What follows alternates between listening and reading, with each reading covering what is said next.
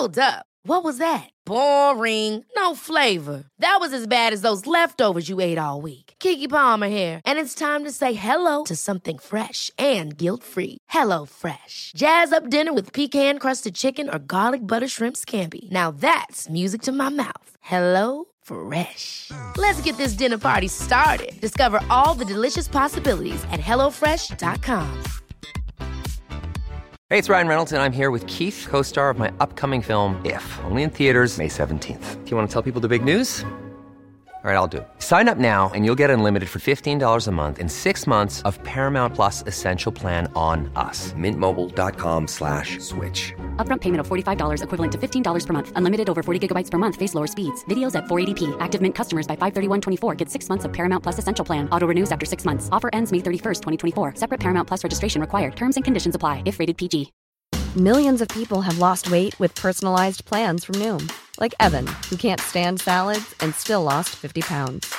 Salads, generally, for most people, are the easy button, right?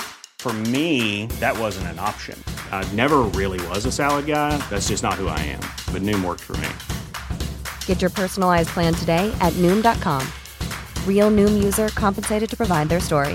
In four weeks, the typical Noom user can expect to lose one to two pounds per week. Individual results may vary.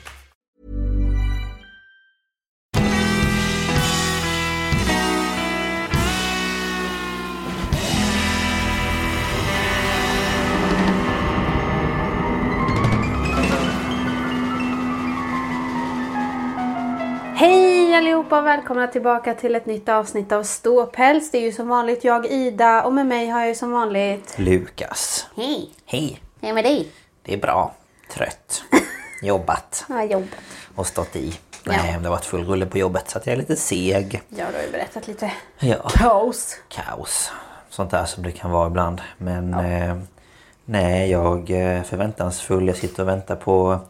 För er som inte vet så håller jag på med magnetfiske. Och eh, ja, ni kan kolla upp vad det är för någonting på internet. Ni kan kolla på hans Youtube. Ja, så om ni vill så kan ni gå in på min Youtube-kanal, Lukas Ternestål. Där jag lägger upp en video i veckan på när jag magnetfiskar. Lite vloggar också. Och lite vloggar också. Mest magnetfiske. Ehm, och jag väntar på en ny magnet som ska komma idag. En stor. En stor, den har en eh, dragningskraft på 500 kilo. Ja, lite större än hans första som är på Fem, 50 va? Eller 100? 50 eller Jag tror det var 100. 50 eller 100. Jag var så här, jag vet inte hur mycket de orkar. Och sen när jag väl hade kört med 100 ett tag, jag började få typ upp en spik. Eh, så i förra gången fick jag upp stora grejer.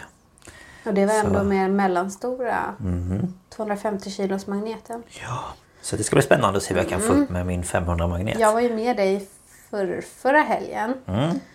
Och fiskade. Det kommer komma på min vlogg. Ja, just ja. Det kommer komma på Idas också. Jag tror att det, det, den kommer komma som nästa video. Men det blir ju nästa torsdag. Lägger Ja. jag upp den. Ja, jag lägger upp på måndagar. Vi har ju som sagt var varsin Youtube och en gemensam Youtube, Paranormal Mm. Tapes. Som det kommer upp. Eh, vi har gjort utredningar som ska redigeras och komma upp. Och sen Mm. Har vi väl planerat att göra lite små videos. Men vi tar Ja. oss aldrig riktigt tid. Nej, det har, det har varit lite eh, mycket med allt annat. Så... eh, Och så mitt i allt det så startar vi den här podden. Ja. Som om vi inte hade tillräckligt. Nej, man måste göra allt vet du. Ja. Ja, nej. Hur är det med dig då? Det är bra. Mm. Eh, som, som jag sa när jag kom hit, jag svettas. Ja, det är Jag varmt. tyckte det stod att det var typ 13 grader men det är jättevarmt i solen och jag tog ju på mig fodrad jacka och hej och hå. Så att, eh, men Du det blir bara- kallt jag ska hem sen igen. Ja, förmodligen. Vi har ju hoppats på det. Ja, annars är det bra. Ja, jag får sova bättre nu. Min kattunge Mm. har ju vuxit lite så han slutar attackera mig i sömnen. Ja, det är ju... Jag tror att den här kicken in i byrån i sömnen Ja, som jag gjorde. kanske. Jag vaknade av att jag... Han, alltså han attackerar mina fötter när jag sover. Mm. Och jag vaknade av att jag kickade honom så han flög in i en byrå. Han är okej. Men sen dess så är han inte på mig lika mycket. Du bara, han är okej. Jag måste bara säga Nej, det. men alltså, det, det hände Ja, ingenting men där vart det väl så här, oh shit. Så Han bara, jag tror inte ska göra så här längre. Nej. Men, nej, men skönt. Och så har du en ny bäddmadrass också. Ja, snälla mamma och pappa köpte en ny bäddmadrass till mig. Ja, alltså Världens tråkigaste present men åh, så Ja men kul. alltså en, en god natts sömn det är typ det bästa man kan ja, ha. så den har ju såna här, det är en skummadrass och så har den såna här piggar liksom. Ja. Så, åh, det är så skönt. Ja det kan jag tänka mig.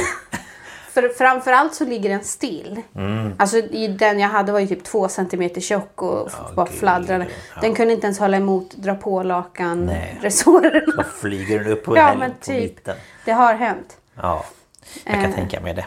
Men ehm, Men det var väl nice. ja, gud vad vi svävar iväg idag. Ska det vi så. eh, tala om vad det är för ämne? Vill du säga vad det är för ämne? Ja, vi, gav, vi, vi sa väl det i slutet av förra. Men det är, Det kanske vi gjorde. jag bara, det är naturkunskap. Nej, Det är det inte. naturkunskap idag hörni. Det kör vi matte A. Ja. Nej, det är eh, naturkatastrofer. Ja! Ja. Jag gillar att min hjärna bara vänta nu. Natur. Fast det, ja, man kan väl det? klassa det som nat- naturkunskap också. Ja, alltså det är ju... Alltså, det, Min det- handlar ju liksom om ju liksom, medicin eh, och din ja. är väl eh, väderbaserat. Så det är ju... Ja. Det är ju ja men är det inte Ja, det? jo det är det. Det är väderbaserat. Det räknas väl, det är ju inte direkt eh, SO liksom. Nej, gud nej. Eller ja, det blir väl samhälle också. Jag vet inte. Det är samhälle, natur och historia Ja, kan man säga. en salig blandning. Ja. Nej men ska jag köra igång? För det här blir ju som sagt var långt. Ja, kör igång. Då ska jag tala om digerdöden. Digerdöden. Ja. Jag var nära att säga ja. Ja! Jag håller på att vänja mig av att starta Ja, varje klipp med att säga ja. Ja. Så att, ehm, Det var min hjärna. Jag bara "Äh, nej, nej, nej, nej, nej, nej, nej, nej, nej, nej. Ja, nej, digerdöden. men, ehm, Spännande. digerdöden, också kallad svarta döden, den stora döden, Black Death, Bubonic Plague med mera, med mera. Jag trodde det var ett namn. Mimera. Med mera. Eh, kärt barn har många namn kan man Ja. säga. Det är, var, är höll jag på att säga, men de, mm, de säger att jag vaknade till liv igen på ett i typ Mongoliet eller vad det var. Mhm. Var det inte det? Det vet jag inte. Jag tror det. Men det är inte så farligt nu för tiden. Nej, okej. Eh, Det var i alla fall en zoonotisk pandemisk sjukdom under medeltiden. Och att det är en zoonotisk sjukdom betyder att den smittar från djur till människa. Namnet digerdöden kommer från fornsvenskans diger, eller digher, hur man nu vill uttala det. Och det betyder stor. Ja, okej. Ja. Det är, ju- eh, finns ju de som kan, man kan säga att det var ett digert misstag. Mm, just ja. Eh, Så det används eh, i talesätt och så fortfarande. Mm. Eh, Och det är belagt första gången på en gotländsk grav från 13 eller 1400-talet. Så då står det alltså på Att han har graven dött av det. av digerdöden. Okej. Eh, Och i andra delar av Europa benämns katastrofen också, ofta med en ordkombination som inkluderar ordet svart som Black Death till Mm. exempel. Eh, Så här till exempel. Till exempel. Va? Varför sa jag så? Ah, ja. jag inte. Eh, 2011 så trodde en grupp på 16 forskare att de kunde fastslå att eh, Yersinia pestis var orsaken till pesten. Det är alltså en eh, liten virusbakterie, eh, eller hur man säger. Mm, Okej, ja. Små levande Partiklar. ting. Små levande ting. Eh, anledningen till att man kom på mm, vilken, eh, vilket virus det var var för att eh, man kunde återskapa DNA från fyra kroppar från kyrkogården East Smithfield i London. Eh, och man tror att pesten fick en sån spridning och hög dödlighet för att det var mycket miljöförändringar med ett kallare klimat och mycket regn. Samt att det var krig lite överallt och folk var undernärda. Mm, okej. Eh, I mars 2013 hittades rester av en annan kyrkogård i London i samband med ett järnvägsbygge. Och enligt arkeologer kan det vara 50 000 Oj. offer som har begravts där efter digerdödens utbrott. Jäklar, det är mycket. Det var alltså vanligt, man gjorde massgravar Ja, helt ja, enkelt. bara... Tänk att begrava alla Ehm, dem liksom. En, en och en. Ja, nej det går ju inte. Nej. Eh, analyserna visade också ehm, att de bar på pestbakterien. Och vad, hur uttalar man det här nu då? Isofalt... Isof, i, isotophalterna. Isofalt. Äh, Iso... jag bara, vad, vad är det här för ord? Isotoper. Herregud. Min, min hjärna kopplade inte ihop det här. Nej, men ibland ser man Is- ord och bara så Men här. jag läste liksom inte isotophalterna, jag läste isofalterna. Tå... Jaha. Ja. Ja. I- Isotoperna i skelett och tänder tydde på att de också var, många av dem var undernärda. Okej. Mm. Så, ja. Det eh, ska ju då bekräfta deras teori. Ja, jag förstår. Eh, Yersinia pestis har tidigare antagits spridas via pestloppan Xenophzylla chiopsis som i sin tur angriper gnagare, framförallt råttor men också hamstrar och ekorrar. Och på medeltiden var det främst svartråttan, svartroppan. ja, eh, åh, herregud, ska jag inte kunna prata idag? Svartroppan. Nej, men det var svartråtta som var värd för loppan. Jaha. Du blandar ihop orden lite. Ja, det är för att jag läser i förväg för Ja. att jag inte ska staka mig och så blir det bara värre. Jag är likadan ibland. Jag kommer nog in i det om en stund. Ja. Eh, den kallas också för hus eller skeppsråtta och levde i nära anslutning till människor. Bakterien överförs till människan antingen genom bett från en infekterad loppa eller genom direktkontakt med ett annat infekterat djur, då en, en råtta eller en människa. Eh, loppan angriper i första hand inte människan, men om till exempel råttan då dör så sjunker kroppstemperaturen och blodet, blodet vad heter det, koagulerar. Ja. Eh, och då går det inte att suga något blod. Nej, Så det. då hoppar ju den då till nästa. Och är då en människa nära så hoppar den till människan. Den bara Eh. Finns en råtta i närheten så tar de ju en råtta liksom. Mm, Okej. Eh, eh, nu ska vi se. Eh, när, när bakterien då väl har infekterat en människa så över, överför människan då snabbt sprit, sp- sprittan, smittan till varandra. Det går jättebra för mig idag. Eh, man Ingen man fara. smittar då vidare genom hostningar, kräkningar och nysningar. Och nyare teorier visar att spridningen av pesten inte ska ha skett via den här Xenopsylla chiopsis. Alltså jag snackar ju inte latin så jag vet inte ens om Nej, det här är rätt. vet inte hur man säger det där. Istället antas människoloppan Pulex irritans ha fört pesten från människa till människa. Det är alltså typ olika sorters loppor. Sorters loppor. Okej. Um, Yersinia pestis påverkar loppan själv. För bakterien eh, den liksom eh, förökar sig i loppan och så bildar den någon slags propp i mag-tarmkanalen. Så loppan ehm, tror att den är hungrig så den så frenetiskt suger blod från alla möjliga världar och grejer. Ja, Eh. Och då smittar den ju ännu fler. ja, ja, såklart. Eh, och sen så dör ju den då såklart. Ja. Eh, men man tror att också det här bidrog ju till att den smittade så pass mycket. Jag förstår. Det fanns tre typer av den här digerdöden. Alltså jag kommer blanda både att säga digerdöden och pesten. För det är rätt så tjatigt att säga digerdöden hela tiden. Ja. Eh, men det finns, eller fanns, böldpest, lungpest och blodpest. Eh, böldpest var inte lika dödligt som de andra men den smittade betydligt lättare och då fler. Eh, och det var inte liksom personen som hade böldpest som smittade utan det var då djur, alltså loppor och råttor som eh, spred det. Och hade man vetat det här och då eliminerat alla råttor och loppor så hade just böldpesten inte spridits. Ehm, eller man hade i alla fall kunnat dämpa det. Ehm, smittades man av böldpest så fick man bölder över hela kroppen och de kunde vara stora som äpplen och eh, de varade liksom. Nej fy fan. Jag som har svårt om man har en liten finne på näsan liksom. Alltså jag hade ju bara så här. Uh, mig inte. Eh, mellan 50 och 80 procent som fick böldpest dog. Så många överlevde ju ändå. Eh, men man fick ju då härliga ärr. Jag tänkte precis säga det måste ju få fantastiska ärr på Mm, Så att man var ju märkt för livet liksom. Ja det kan jag Så alla mig. kunde ju se att du hade haft Ja. pesten liksom. Så jag vet inte om det var så. Du har haft pesten. Men jag vet inte hur bra det var. Och... Nej, jag vet inte hur man har, alltså i samhället i övrigt. Så här med Nej, jobb vet, och... jag vet faktiskt inte det. Nej. Ehm, men ehm, ja, det kan ju inte ha varit lätt i alla fall. Nej. Eh, lungpesten, den är tvärtom. Där är det människan som smittar vidare. Eh, men man dog vanligtvis så pass fort så man hann inte smitta så många. Eh, och det här är ju för att man hostar och grejer. Man hostar blod och sen dog man hastigt. Och i, i princip alla som fick just lungpest dog. Okej. Det var väldigt dödligt. Ja. Blodpest, det är alltså när, när viruset har tagit sig från dina lymfkörtlar ut i blodsystemet. Ja, okej.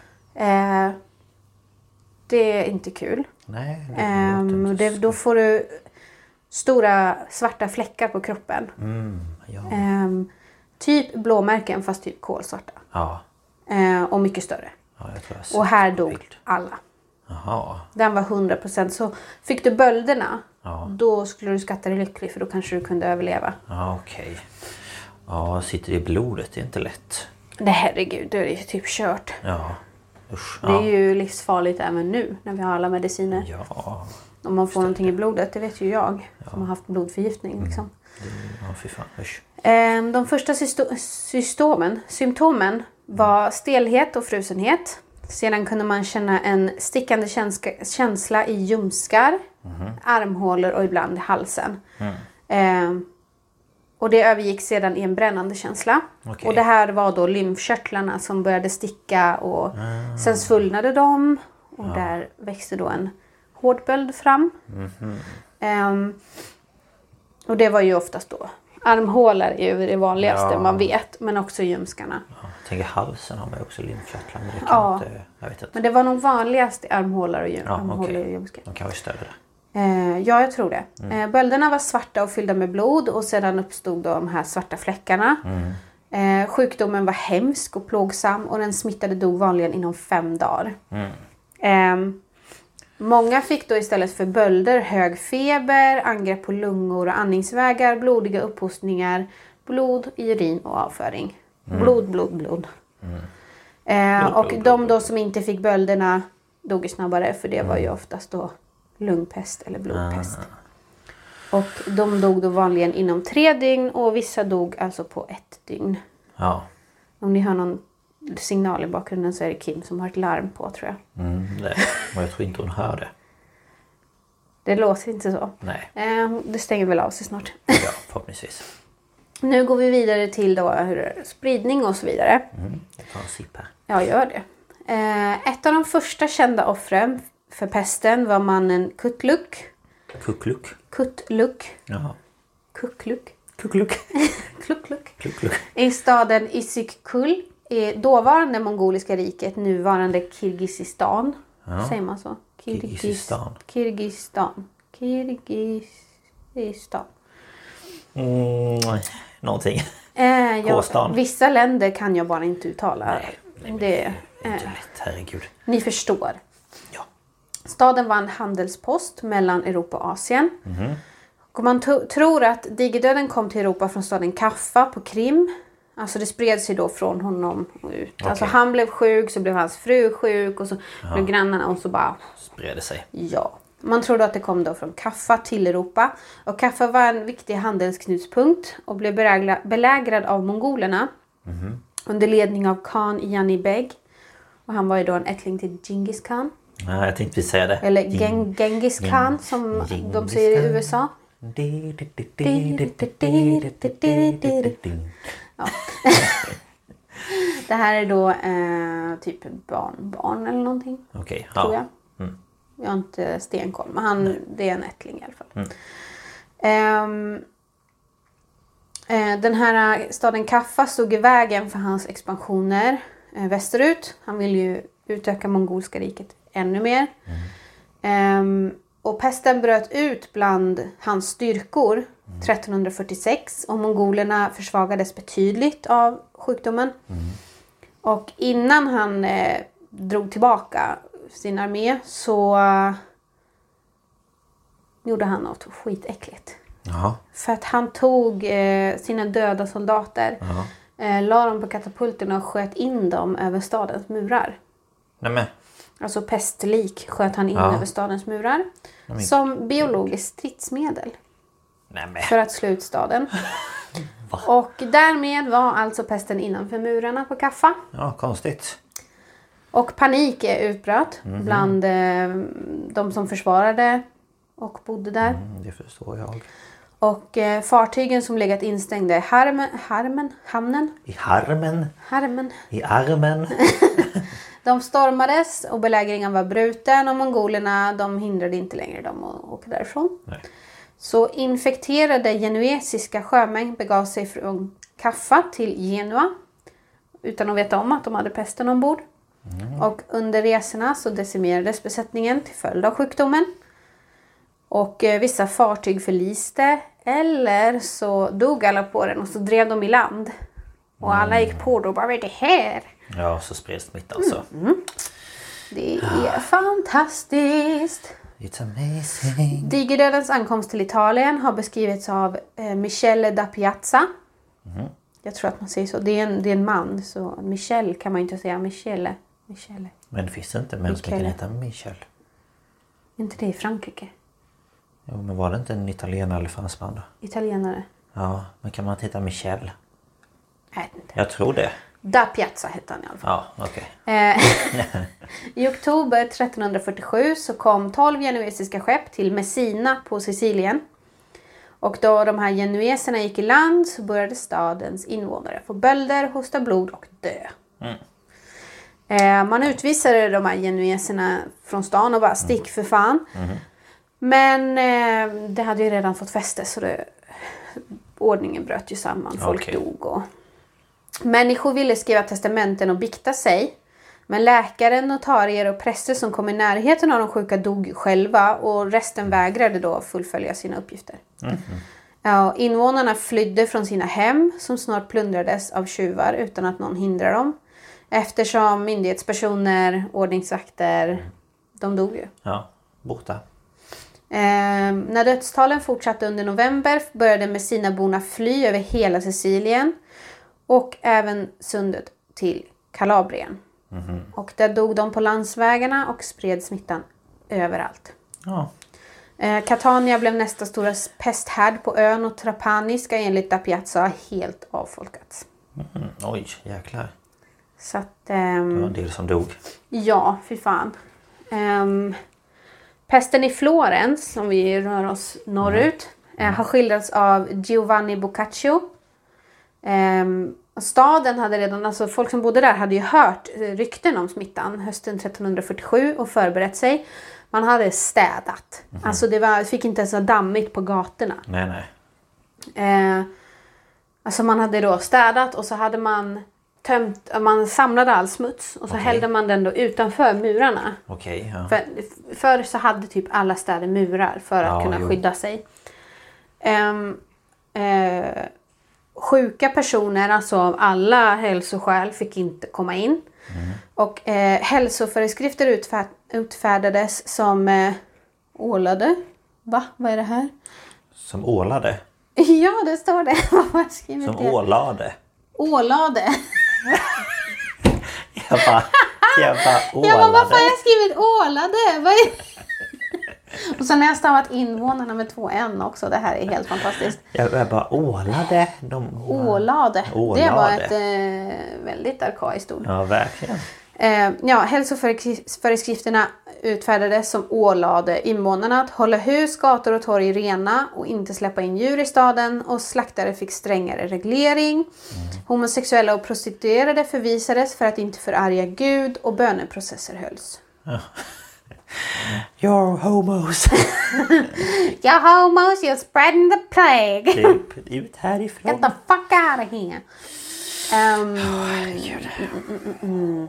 I mars nådde smittan ändå Florens och varade till juli. Varken läkare eller de kloka kunde göra någonting åt den.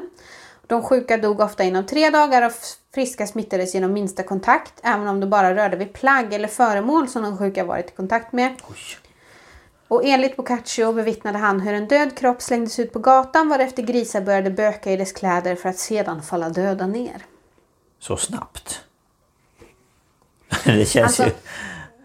Mycket i källor, alltså det här är ju liksom medeltiden. Ja, jo. Allting är ju lite överdrivet. Ja, det är väl... Det ska vara lite dramatiskt. Men, Åh, de ehm, bökade där. bara, åh. men man vet, de kanske inte bara bökade på en död kropp utan de gick runt i någon dag och sen dog de. Liksom. Ja, då är det i alla fall. Eh, här dog också präster och myndighetspersoner så snabbt att ordningen kollapsade. Släkt och vänner vågade inte begrava sina döda och begravningen av de rika togs om hand av ett gravgrävarbrödraskap eller Beccini. Tror jag man säger. Som bildats av stadens fattigaste. Okej. Som för stora summor slängde ner kroppen i närmaste grop som pekades ut av en präst. Så han stod typ så här. Där. För näsa och mun. Typ. Eh, De som inte kunde betala släpade ut sina grannars döda lik på gatan om de eh, märkte att det började lukta från grannhuset och övergav gav kroppen där. Och gatorna täckte snart därför av ruttnande pestlik tills de grävdes ner i massgravar. Ja, jättemysigt. Wow! Wow! Vi rör oss vidare till Venedig. Där har Dogen, tror jag man uttalar det. Det står Dogen, men jag tror det heter Doge på engelska. Eh, Andrea Dandolo, munken Francesco della Grazia och Lorenzo de Monachis, eller Monachis. Ehm, det är nog från Monaco, kan jag Ja, tänka. det låter som det. Ehm, det här var en av Europas största städer. Men den var ju också svårt överbefolkad eftersom den var packad av flyktingar från föregående års hungersnöd på fastlandet och jordbävningen i januari samma år. Smittan nådde till slut Venedig våren 1348 och i april översvämmades gator och torg av lik. Men gud. Och hus gav ifrån sig stank som, som tecken på att det låg kroppar även inomhus. Ja. Liken forslades bort och grävdes ner på öar i lagunen av människor som allt eftersom själva grävdes ner för att de dog på plats. ja, såklart. Och en av de här öarna känner vi till. Det är Poveglia som ligger mellan, vad heter det nu, Ludo Ludo. och Venedig. Eh, där, eh, det är liksom två öar som har en, det, den är delad lite på mitten, den här stora ön och så går en bro över. Och på ena i halvan så är det ju ett typ sanatorium som Ja. har byggts upp senare. Ja. Eh, för att alltså Digerdöden hade ju olika faser. Den höll ju på fram till 1700-talet. Ehm, och man, jag antar att det användes senare till psyksjuka och ehm, folk med TBC. Ja. Eh, och där har de då ett, ett fält där man grävde ner pestsmittade. Ja. Eh, den känner ju vi till. Den eh, anses vara väldigt hemsökt. Ja. Det är svårt att få tillstånd att åka dit nu. Ja, det kan jag tänka mig Eh. Mellan 25 och 30 personer begravdes dagligen bara i den begravningsplats som låg nära Rialto. Många venetianare, bland dem många myndighetspersoner, flydde till andra städer och ut på öar i lagunen. Och i Genua ska 6 av 7 invånare ha dött och i Venedig 70 procent av befolkningen. jäklar. Det var inte lite. Nej, och det var ju för att det var så trångt. Ja, de smittar Eh, nu hoppar vi längre norrut och kommer till Frankrike. Där noteras pesten har nått Marseille den 1 november 1347 och Aix-en-Provence i december. I Avignon ska 62 000 människor ha avlidit mellan 27 januari och 27 april. Det här är ju en siffra som man inte... Man kan inte vara säker. Som sagt, Nej. det överdrevs en hel del. Men många dog. Ja. Stadens invånarantal halverades och 7000 hus stod tomma. Läkarna flydde från sina patienter och eh, påven köpte ett fält som han helgade. Okej. Och där begravdes 11 000 människor. Och liken forslades dit av okunniga bergsbor som inte förstod att uppgiften försatte dem i fara. Så de dog ju. Eh, och när fältet inte eh, räckte till så eh, helgade han, det här är eh, P, eh, påve Clemens den femte, fjärde eller femte. Kommer inte ihåg. Jag vet inte. Femte är ju ett V. Ja men det var IV eller VI. Var det fjärde eller sjätte? Ja, strunt samma. Clemens hette han i alla fall. Han eh, helgade floden Rån. Och eh, då dubbade man kropparna där i. För det var ju heligt nu. Ja, vad mysigt då. Det flyter runt massa lik där på Men det var ju panik alltså. Man visste inte vad man skulle Nej. göra. Och han arrangerade också stora offentliga böneprocessioner för Mm. att dämpa Guds vrede. För man trodde att det här var Guds straff för människans synder. Såklart. Eh, Men man såg då såklart att de religiösa grejerna, det gav ju ingenting. Nej. Och eh, påvens läkare Guy de Chaulac, Chauliac, Chaulac, Shaolak. det känns eh, rätt. Eh, förde fram läkarvetenskapens teori om att smitta spreds genom miasma. Och miasma är typ förorenad luft. Så man trodde att det var snusk i luften. Snusk i luften. Så man rådde då Clemens att isolera sig från all kontakt med andra personer och hålla sig mellan två eldar. Eh, för man trodde då att eld kunde liksom bort bränna snusket. bort. Ja. Så han flydde till byn Etoile sur Rhône för att undslippa smittan. Och han satt alltså på riktigt i ett rum med en eld i vardera ände och bara satt och svettades. Men gud. Ehm, Överlevde han då? Det vet man inte. jo, han gjorde det tror jag. Jaha. Eh, han satt ju där. Det var ju som en karantän. Ja. Det är klart att han inte blev smittad då. Nej, för sig. Eh, jag antar att de såg väl till det här med att det bara skulle vara friska personer som höll på med hans mat och så vidare. Ehm, I april 1348 så nådde digerdöden Lyon. Som då var en av Frankrikes största städer. Ehm, och den hade ju då rört sig ganska sakta från ehm, eh, Marseille. För det var ju november 47, så att det var ett halvår. Jaha, Och det förklarade man då med att det var ju på vintern. ah, Så det var ju kallare. såklart. Ehm, så man tror att det saktade ner både människor och själva viruset. Eller bakterien. Ehm, men i byn Givry i Bur- Burgund. Bur, bur, Burgund. Burgund. Jag vet inte hur man uttalar det. Nej, Skitsamma. inte jag. Eh, där avled halva befolkningen mellan augusti och november 48, 1348. Och eh, Paris nåddes någon gång under senvåren eller sommaren 1348. Så typ i samband med Lyon. Lite, lite senare. Och det här var ju eh, Europas vid denna tidpunkt största stad. Så det var liksom Paris, Lyon och så var det ju Venedig. Ja, såklart. Och ehm, här sägs det att 800 personer dog varje dag jävlar. under de värsta månaderna mellan november och december. Då. Oj. Vad lite. Ja. Ja. Ehm, nu hoppar vi då upp till oss. Eh, och digerdöden nådde av allt att döma västra Sverige 1350. Så att det, det tog ändå Ett tag. ett tag. Ja. Eh, Och man tror att det kom från Norge, för Norge smittades först via England. England, alltså jag tog inte upp så mycket, tog inte upp någonting därifrån, men alltså deras befolkning, det var ju katastrofalt vad många det var som dog det där. var så. Usch, ja. Alltså om det är 50 000 i en enda massgrav i London liksom. Ja, jo, På sant. 1300-talet. Ja. Usch, ja, Ehm. det var nog en del som dog. Eh, och man tror att digerdöden drabbade Gotland våren 1350.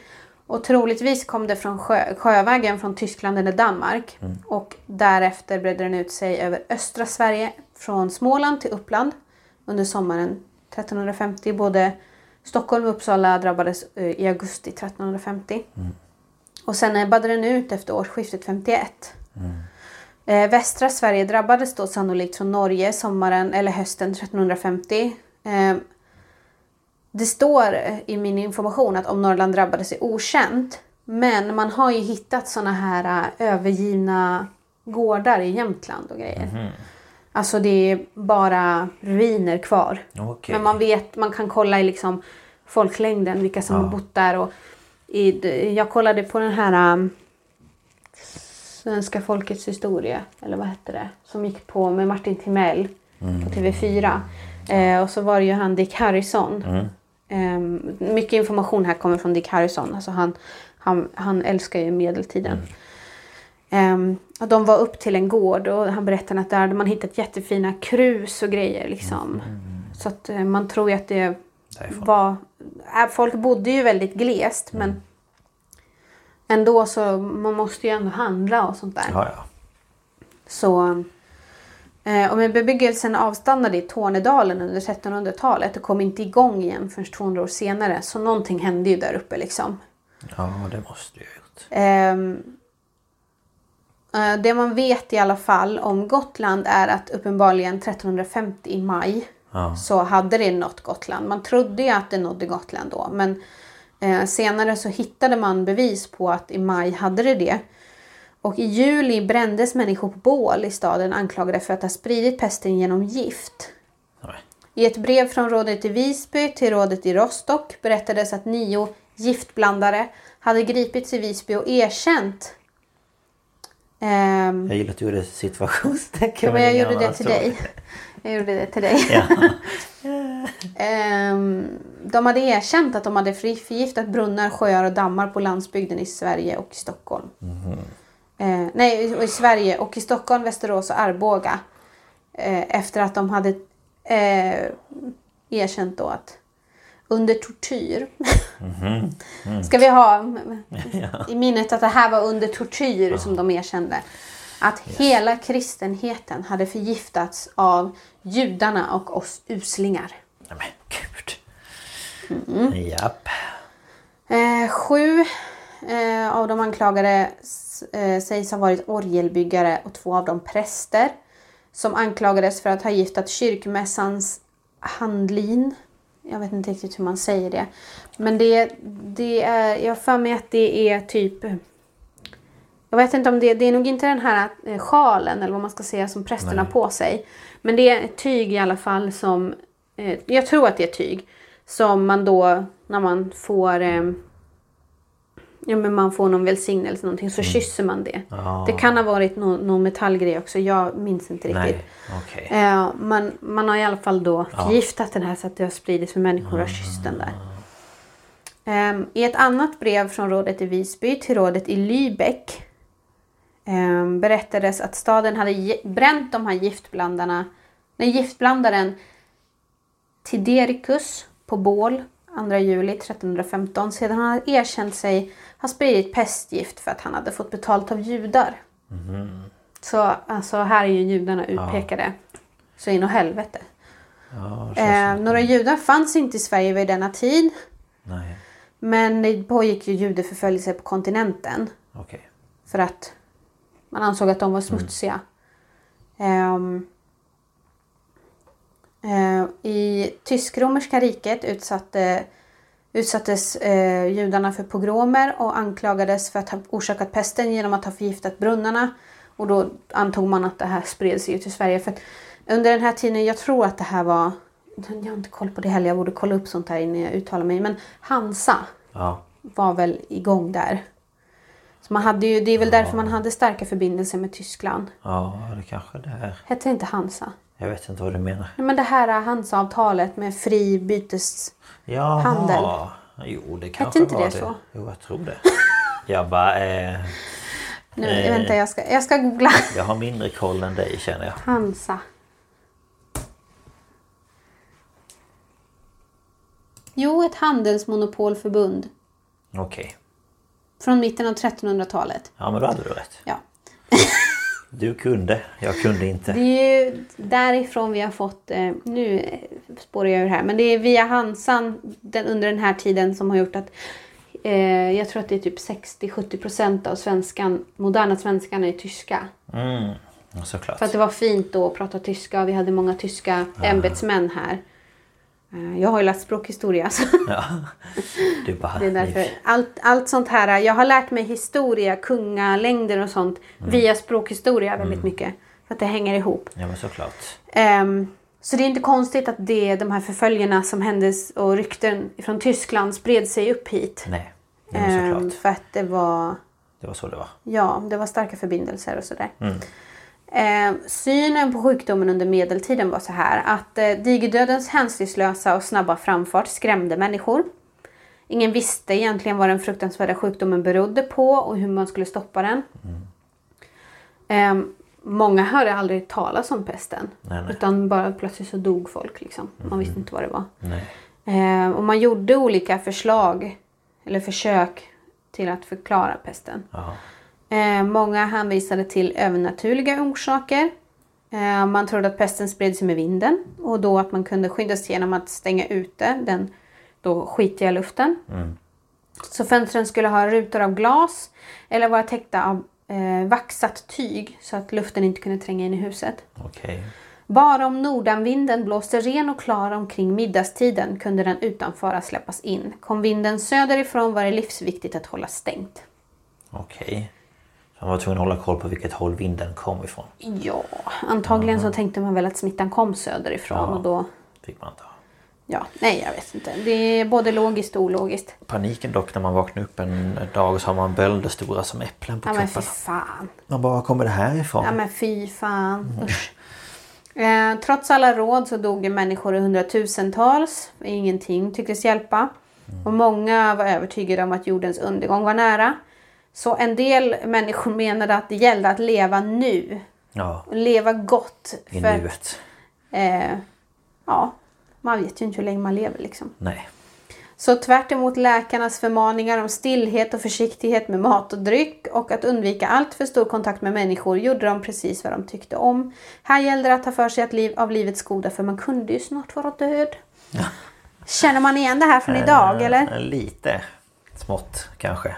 Nej, men, Har du sett på nyheterna de här ungdomsfesterna Ja. som pågår ute? Man bara, är ni pantade på riktigt?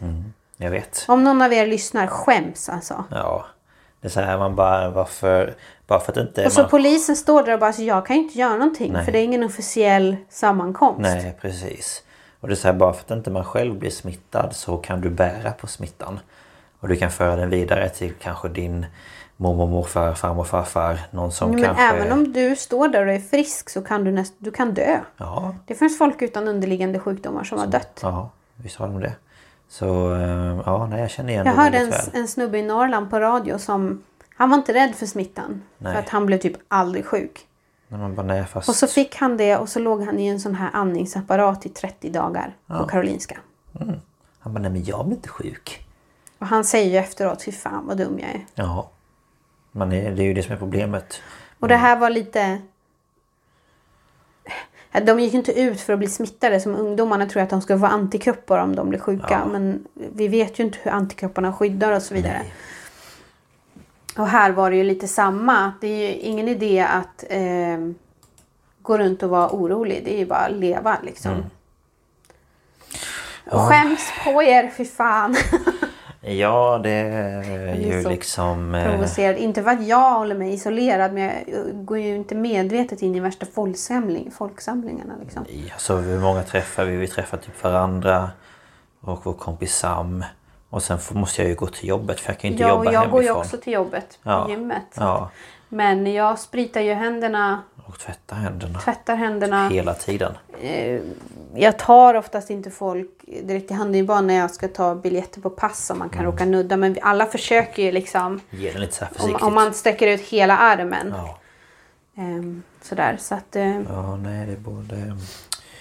Ja, nu går vi nu vidare. går vi vidare. vi börjar bli frustrerade. ja, bara, Eh, men att leva på det här sättet var bara att förarga Gud ännu mer, sa präster. För enligt dem var det just det som digerdöden berodde på, att människor hade syndat och Gud bestraffade dem. Eh, och enda möjligheten att stoppa pesten var alltså att blidka Gud. Till exempel så kunde man delta i botgörartåg. Där människor drog fram på gatorna och vägar i tusental, klädda i trasor, barfota, ibland med rep runt halsen. oj. De klagade högljutt, grät och slet sitt hår och slog sig blodiga med piskor. Och de dö- fördömdes 1349 av påve Clemens den sjätte, har jag skrivit här. Ja, okej. Eh, som också utfärdade flera bullor. Bullor är ju påvens... Eh, Bullor. men det hette så. Ja. Eh, vad säger man? Dekret. Alltså...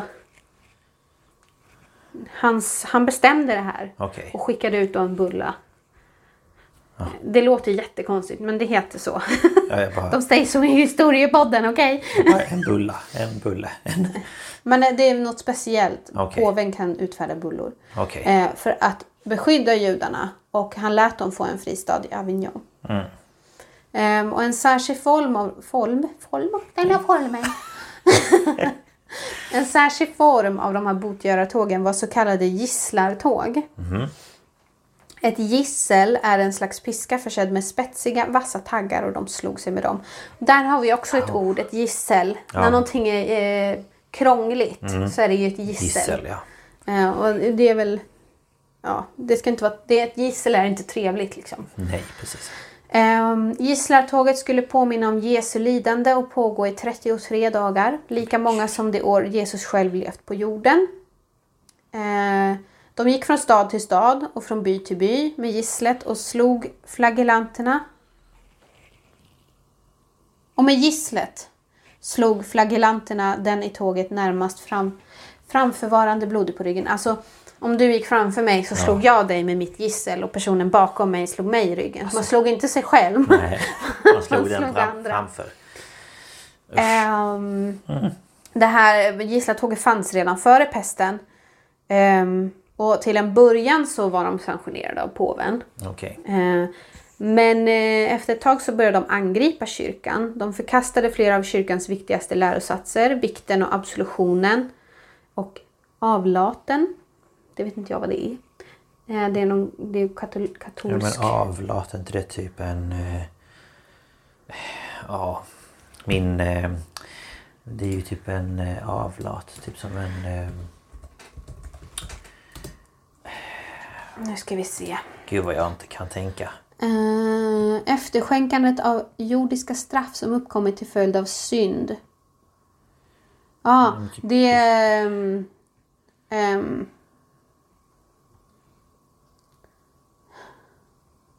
den förlåtelse av den timliga pina som man är skyldig att betala efter sann ånger och bikt.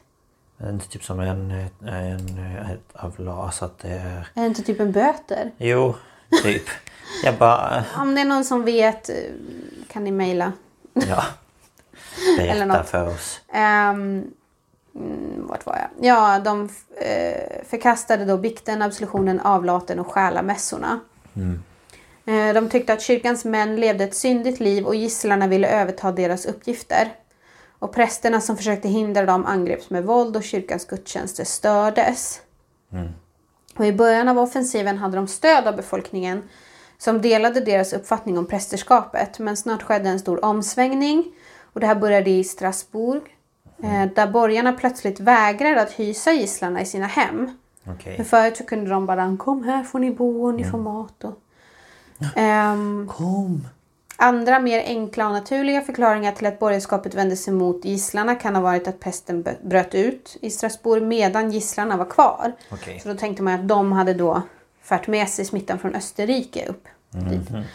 Ehm, och det kan ha gjort att de vill inte ha in dem i sina hus. Nej.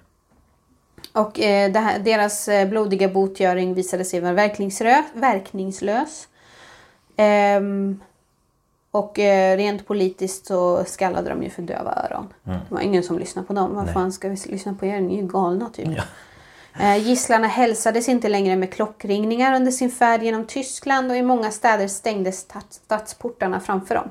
Jaha, Och det slutade med att påven bannlyste dem och rörelsen dog ut. okej. Eh, Men det här är väldigt känt från eh, pesten.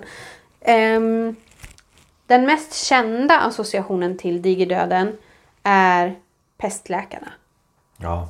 Men de kom ju inte på 1300-talet. Nej. Utan de kom under nästa våg, under 1600-talet. Eh, men själva sjukdomen är densamma. Så jag tänkte jag måste ta upp Ja, det. ja. För annars kommer folk sitta där och bara varför pratar du inte om dem? Ehm, Hallå, prata om dem. Hallå, de här näbbarna! Eh, den här eh, skyddsdräkten uppges ha skapats av Ludvig den eh, trettonde. Tio, ja, trettonde. Eh, av hans hovläkare eh, Charles de Lorme. Jag vet inte hur jag uttalar det. Eh, dräkten består av en fotsid heltäckande dräkt med handskar och en ansiktsmask. Som då hade en stor näbb. Ja. Eh, läkaren hade också en stav med vilken han höll eh, pestpatienter på avstånd. Social distancing please. Det är så vi ska ha. Gå under med en stav. Det var ju på någon eh, fest för pensionärer som de hade gått runt så hade de haft badringar badringar. i hängslen. Det. Perfekt ju. Ehm, på kroppen bars en lång rock som ofta var insmord i vax. För, ursäkta mig. Han trodde att, han, man trodde att sjukdomen skulle halka av Han, man, den, det. Dem. Hen. De jävlarna. Under rocken bars långbyxor och läderkängor som tillsammans med tjocka läderhandskar gjorde det omöjligt att vidröra läkaren inuti dräkten. Alltså det var egentligen en hazmat suit. Ja. Eh, till dräkten tillhörde också en stor hatt som ofta nästan var helt rund som skulle skydda läkaren mot dåligt ljus. Alltså det har man ju sett. Antingen hade de ju en huva, alltså en stor kåpa.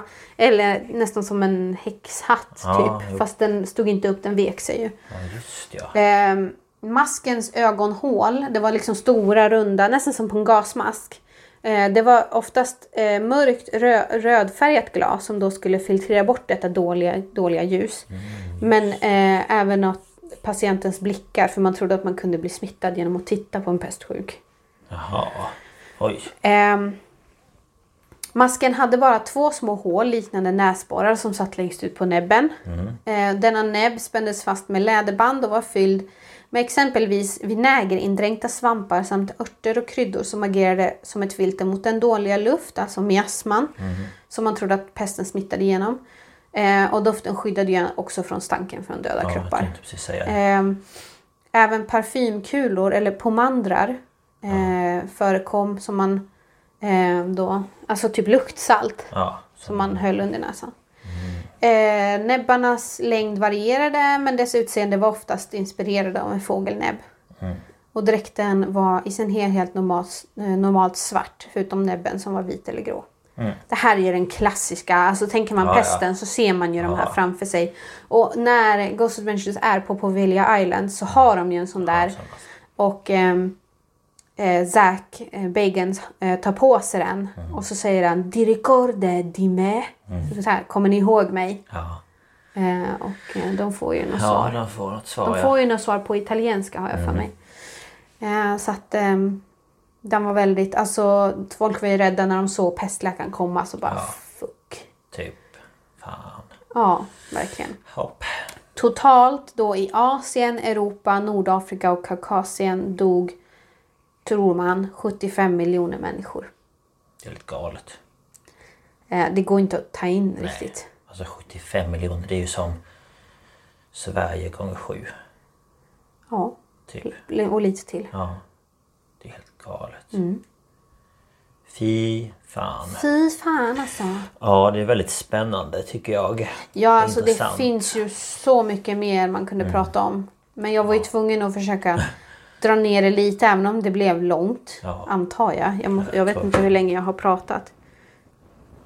45 minuter. Så att, Jag tror du hade pratat nästan en timme. Jag var förberedd på det nästan. ja. Eh, nej men... Men det eh, blir ju långt när det är sån. Jag menar det har ändå varit liksom i, hur många blir det? 500 år? Nej, alltså 300? första, första vågen var ju typ 10-15 år. Här i Sverige var det ju bara Aha, typ ett år. Okej. Men sen har det ju kommit tillbaka liksom Ja, pö om pö. Mm. Och sista gången var 1700-talet. okej. Ja, då är jag med. Ehm, Så ehm, det varade ju liksom inte under så lång tid. Men jag kommer tillbaka. Ja, och att... Jag, jag antar att de här 75 miljoner eh, är under, de här, under den här första svängen på 1300-talet. Okej. Ehm, tror jag. För då är det ju ännu fler i så fall som har kollapsat. Ja. Kollapsat Ehm, och slängt in handduken. Och det mest kända landet är ju det som man liksom associerar mest man tänker på pesten. Det är ju faktiskt Italien. Mm. Och det var, ju, det var ju ganska tätt befolkat och det spred, det kom ju dit först. Ja. Och sen har man ju hört lite om England och sådär. Mm. Men just Ehm. Italien har man ju tänkt eh, mycket på när det kommer till det. Mm. Men eh, ja, det är väldigt spännande. Men eh, Ja. såklart väldigt hemskt också. Och sen om man tänker på liksom eh, olika pandemier som, ja, som typ nu. Mm. Eh, Covid-19 och eh, olika liksom. Ja, så jag var så här, ska jag ta upp det här? Blir det lite too real? Men så bara, nej, vet du vad? Det kan vara en påminnelse. Ja, Nu är ju inte covid... Eh, så här. Men ändå. Alltså folk lider ju av den men alltså jag vet inte. Jag, skulle inte, jag blir nog inte riktigt lika rädd av symptomen på covid som jag blir av symptomen på böldpest. Eller ja, på pesten. Men böldpesten är ju den man är mest... Alltså den som är synlig. De ja. andra var ju, var ju lite... Lite mer. Plus att man dog så snabbt. Ja.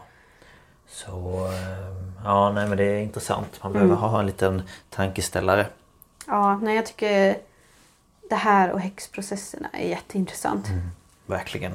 Eh, Och det kommer vi ta troligtvis nästa säsong. Häxprocesserna. Vi tänkte något sånt va? Ja, det måste vi. Ja, nej, men det var bra researchat och eh, intressant. Eh, jag tror inte jag sa mina källor men jag kollar ju på den här eh, Mankind, the story of all of us. Eh, har de ett avsnitt som heter The Plague. Och så då lite Wikipedia, svenskhistoria.se och så Dick Harrison och ja, lite blandat. Ja, Lite historiepodden. yes. Lite blandat. Ja. Smått och gott. Ja. Ja, nej men eh, bra. Tack. Fint. Nu vill jag höra om din. Vill du? Ja. Nu hoppar vi vidare.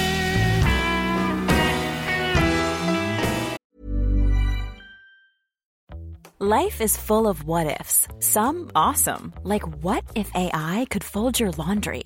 And some, well, less awesome, like what if you have unexpected medical costs? United Healthcare can help get you covered with Health Protector Guard fixed indemnity insurance plans. They supplement your primary plan to help you manage out of pocket costs. No deductibles, no enrollment periods, and especially no more what ifs. Visit uh1.com to find the Health Protector Guard plan for you. Many of us have those stubborn pounds that seem impossible to lose, no matter how good we eat or how hard we work out. My solution is PlushCare. PlushCare is a leading telehealth provider with doctors who are there for you day and night to partner with you in your weight loss journey. They can prescribe FDA-approved weight loss medications like Wagovi and Zepbound for those who qualify. Plus, they accept most insurance plans. To get started, visit plushcare.com slash weight loss. That's plushcare.com slash weight loss. Då ska jag köra igång. Ja. Nu var du duktig som undvek att säga ja. Ja.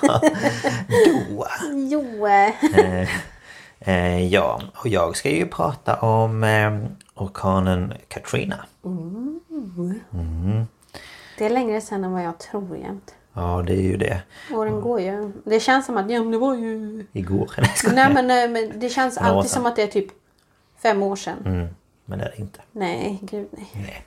Nej. Eh, och jag kan säga att jag har lyssnat på podden Mayday och P3 Dokumentär och sen har jag kollat på lite så här typ nyhetsklipp från Youtube. Lite blandat. Eh, men eh, jag försökte hitta någon bra dokumentär så man kunde få lite bilder också. Men jag hittade inte någon som... Alltså, det har gjort så många. Det finns ingen som är... Ja, så jag visste inte rätt vad jag skulle välja. ingen så här svinbra. Man har ju sett några som har varit lite så här... Mm. All, alla är ju lite vinklade och lite... Men så det mesta jag har tagit är faktiskt från P3 Dokumentär. Ja, men de är bra. Ja. Ehm, så jag sätter väl igång. Ja, gud ja. Mm. Eh, ja. Fan! Nu sa jag det ändå. Ja. Ehm, fredagen den 26 augusti 2005 så har orkanen Katrina lämnat Florida och är mitt ute i Mexikanska golfen när den plötsligt byter riktning. Eh, Den är nu på väg mot kuststaden New Orleans i delstaten Louisiana. Får jag bara fråga dig? Mm. Det finns ju två uttal. New Orleans och New Orleans. Är det i New Orleans som man säger New Orleans? Och alla andra säger New Mm. Ja. Orleans? I, om, du, om man lyssnar på Peter Dokumentär så intervjuar de ju polischefer och grejer. Och de bara, de säger ju New Or- Or- Orleans. Alltså Ja, men de, de lägger typ ihop det så det blir New Orleans. Ja, New Men Orleans. eh, det är så svårt för det är ju från franska Orléans. Mm. Så man är så här New Orleans, New Orléans. New Orleans. Jag säger ju Orleans för jag tycker det låter... Det låter bäst. Det klingar bäst i mina ögon. Jag var tvungen att fråga. Ja, för nej, det, men jag säger New Orleans. jag hör ju så blandat. Ja, Men det, jag säger också New New Orleans. New Orleans. New Orleans. Ja. Eh, ja, nej jag säger New Orleans i Ja. alla fall. Eh, och när orkanen slog till mot Florida så var den på eh, kat- en kategori 1-orkan enligt då Saffir-Simpson-skalan. Och det är ju då en skala som mäter vindhastigheter. Den och- är internationell eller? Ja. Ehm, och då hade, var orkanen uppe i vindstyrkor strax ovanför gränsen för orkan. Eh, det vill säga 33 meter i sekunden vilket är 119 kilometer i timmen. Eh, när Katrina var över Florida så nedgraderades eh, Katrina till en tropisk storm bara. Ja, det var väl bara, för att den men- kom över land då, så den förlorar väl lite styrka kan Ja. jag tänka. Precis.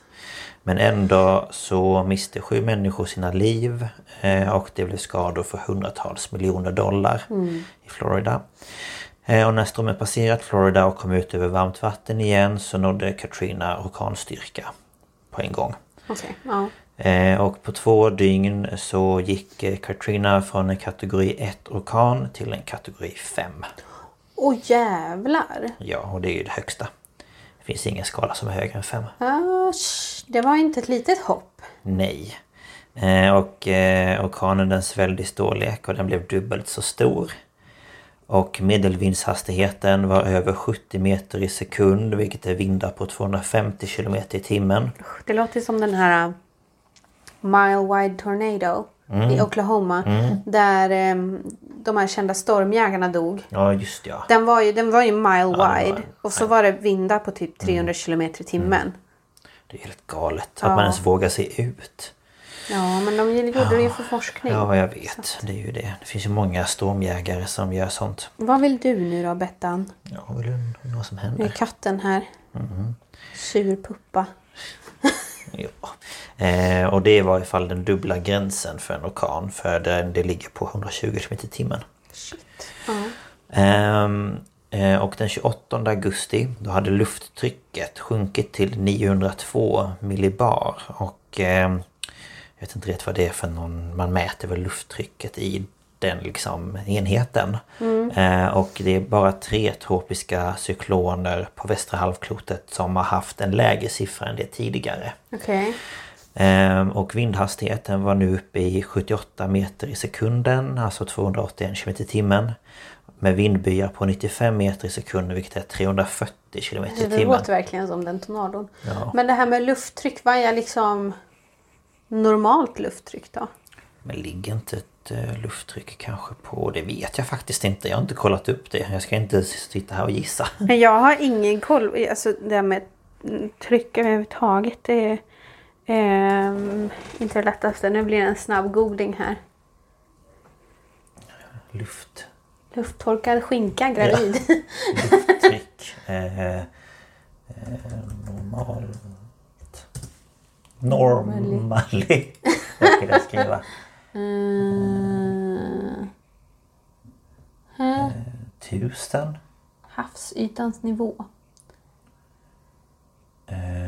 Ja, Just det, det, var ju, det hade ju sjunkit. Ja, hade sjunkit. Normalt lufttryck vid havsnivå är 1013 Ja. millibar. Så då hade det sjunkit typ eh, 100 millibar. Lite mer än 100 millibar. Och det måste ju vara ganska mycket ändå. Det måste det ju vara då eftersom de tog upp det Det måste ju fakta. verkligen ha känts. Ja, Alltså man vet ju bara när vilken huvudvärk man får när det ligger åska i ja, jag luften. vet.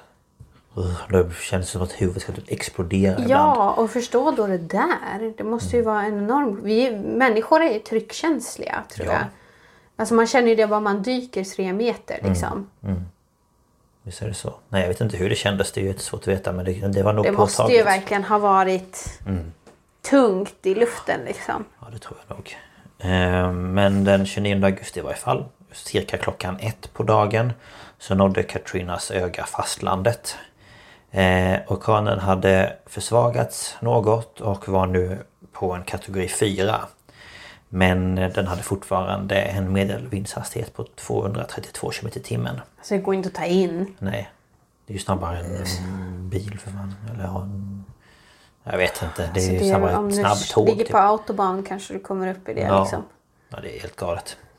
Eh, Men eftersom det var fredag kväll då den 29 augusti så ehm, eh, när de då fick in informationen om att Katrina var på väg mot New Orleans så var det svårt att få tag på människor. För alla var väl ute. Alla hade gått på helg och alla var liksom, ja. Men det var ingen högtid då va? Jag vet inte. Jag har var- inbillat mig att det var Mardi Gras. Jo, men det, var det det? Det var Mardi Gras. Okej. Ja. för då är det ju Ja, parader så det var och... folk ute och det var Herregud. fest och det var allt möjligt. Ja, det var det jag hade för mig. Ja, De är ju kända för festerna vid Mardi Gras. Mhm. Både för, för, för barnfamiljer och för, för bara vuxna. Så. Mm. ja, ja det, de har ju parader och det är musik. Åh och det herregud. Ja. Ja. Eh, Och vid den här tiden så hade man ju inga smartphones som idag. Nej, alltså man hade väl enkla mobiltelefoner men... Jo men det var ju inte så det var som inte som att man få kunde... här textalerts och Nej grejer. men såna här noti- pushnotiser både från... Vi har ju de här äh, Krisinformation vik- viktigt och- meddelande Ja. till allmänheten. Precis. Det, Och sen om man följer typ Aftonbladet så Ja. får man pushnotiser. Och nu har vi ju 112 appen den där man också. också får pushnotiser. ja. Och så har vi den här krisinformationsappen har jag också. Ja, just det. Så vi har ju några sådana men det hade man ju inte på det sättet då. Så det var ju ingen som fick sån information. Nej, jag vet inte ens hur vi hade 2005. Alltså jag vet ju att de hade såna här v, VMA på radio. ja. Och att det, det kunde rulla både på text-tv och på tv. Men jag vet inte huruvida de hade de kunde skicka ut sms. Alltså det är ingenting jag kommer ihåg i varje fall. Nej, men jag var ju bara 13 och du var var 15. 15, liksom. Då Ja. hade man ingen tanke på sånt där. Nej, nej så Då hade man ju inte. sin första kameratelefon så att Ja, du tog suddiga en Kamera, megapixel ja. bilder och bara "Ah!" Wow, jättebra. tog bilder rakt uppifrån och bara Åh, mitt liv suger. Typ. Jag är emo. ja herregud. Eh, men det var en person som arbetade för den lokala radiokanalen WWL New Orleans. Som hette Dave Cohen. Eh, som så fort han fick informationen så åkte han till radiostationen. Och den här fredagen då så sändes en fotbollsmatch med hemmalaget New Orleans Saints. Ja. Och det här var ju någonting som typ alla i New Orleans tittade på. Ja, alltså För fotboll, liksom, eh, fotboll i USA ja. är ju the shit. Ehm, så han bara så här. Vi avbryter matchen. Ja, för då är det så många som möjligt som hör. Ja. Eh, och då gick de ut med ett meddelande till allmänheten om att en mördarstorm inom situationstecken Mm. eh, är på väg mot land. Och många i New- Orleans de är ju vana vid oväder och de bara ja ja nej men det skiter vi i. Så de ignorerade ju varningen. Ja, och bara nej, ja. Eh, men problemet är att New Orleans är byggt som i en skål, eller som en skål. Och stora delar av staden är liksom flera meter under havsytan. ja. Eh, och staden är ju då omringad av vatten eh, och som skydd på ena sidan och Mississippifloden på andra sidan så har man byggt som skyddsvallar för att man ska hålla ute vattnet. Alltså jag tänker bara, tänk om samma sak skulle hända typ Venedig. Ja, fy fan. Eller Amsterdam. Ja. Som, de ligger inte under vattennivån men de ligger de typ ju på ändå- vattennivån. Ja, de har ju ändå vatten överallt typ. Det är ju vattenkanaler. Alltså Ja. var du än går typ. Båda de städerna är ju sån här, om vattennivån höjs typ en halv meter så sjunker Mm. de. Typ. Precis, så att eh, ja men de här eh, vallarna de var ju eh, felkonstruerade då va? Ja, såklart. Och så var de i dåligt skick och de hade inte underhållits på flera år. Mm. Nej, det är väl klart. eller Men de det, det är ju ingen fara. Vi alla behöver ju inte dem egentligen. Nej, bli, bli, De är ju bara som en säkerhetsgrej. Mm. Eh, Men runt omkring i Louisiana så hade då invånarna beordrats att evakuera.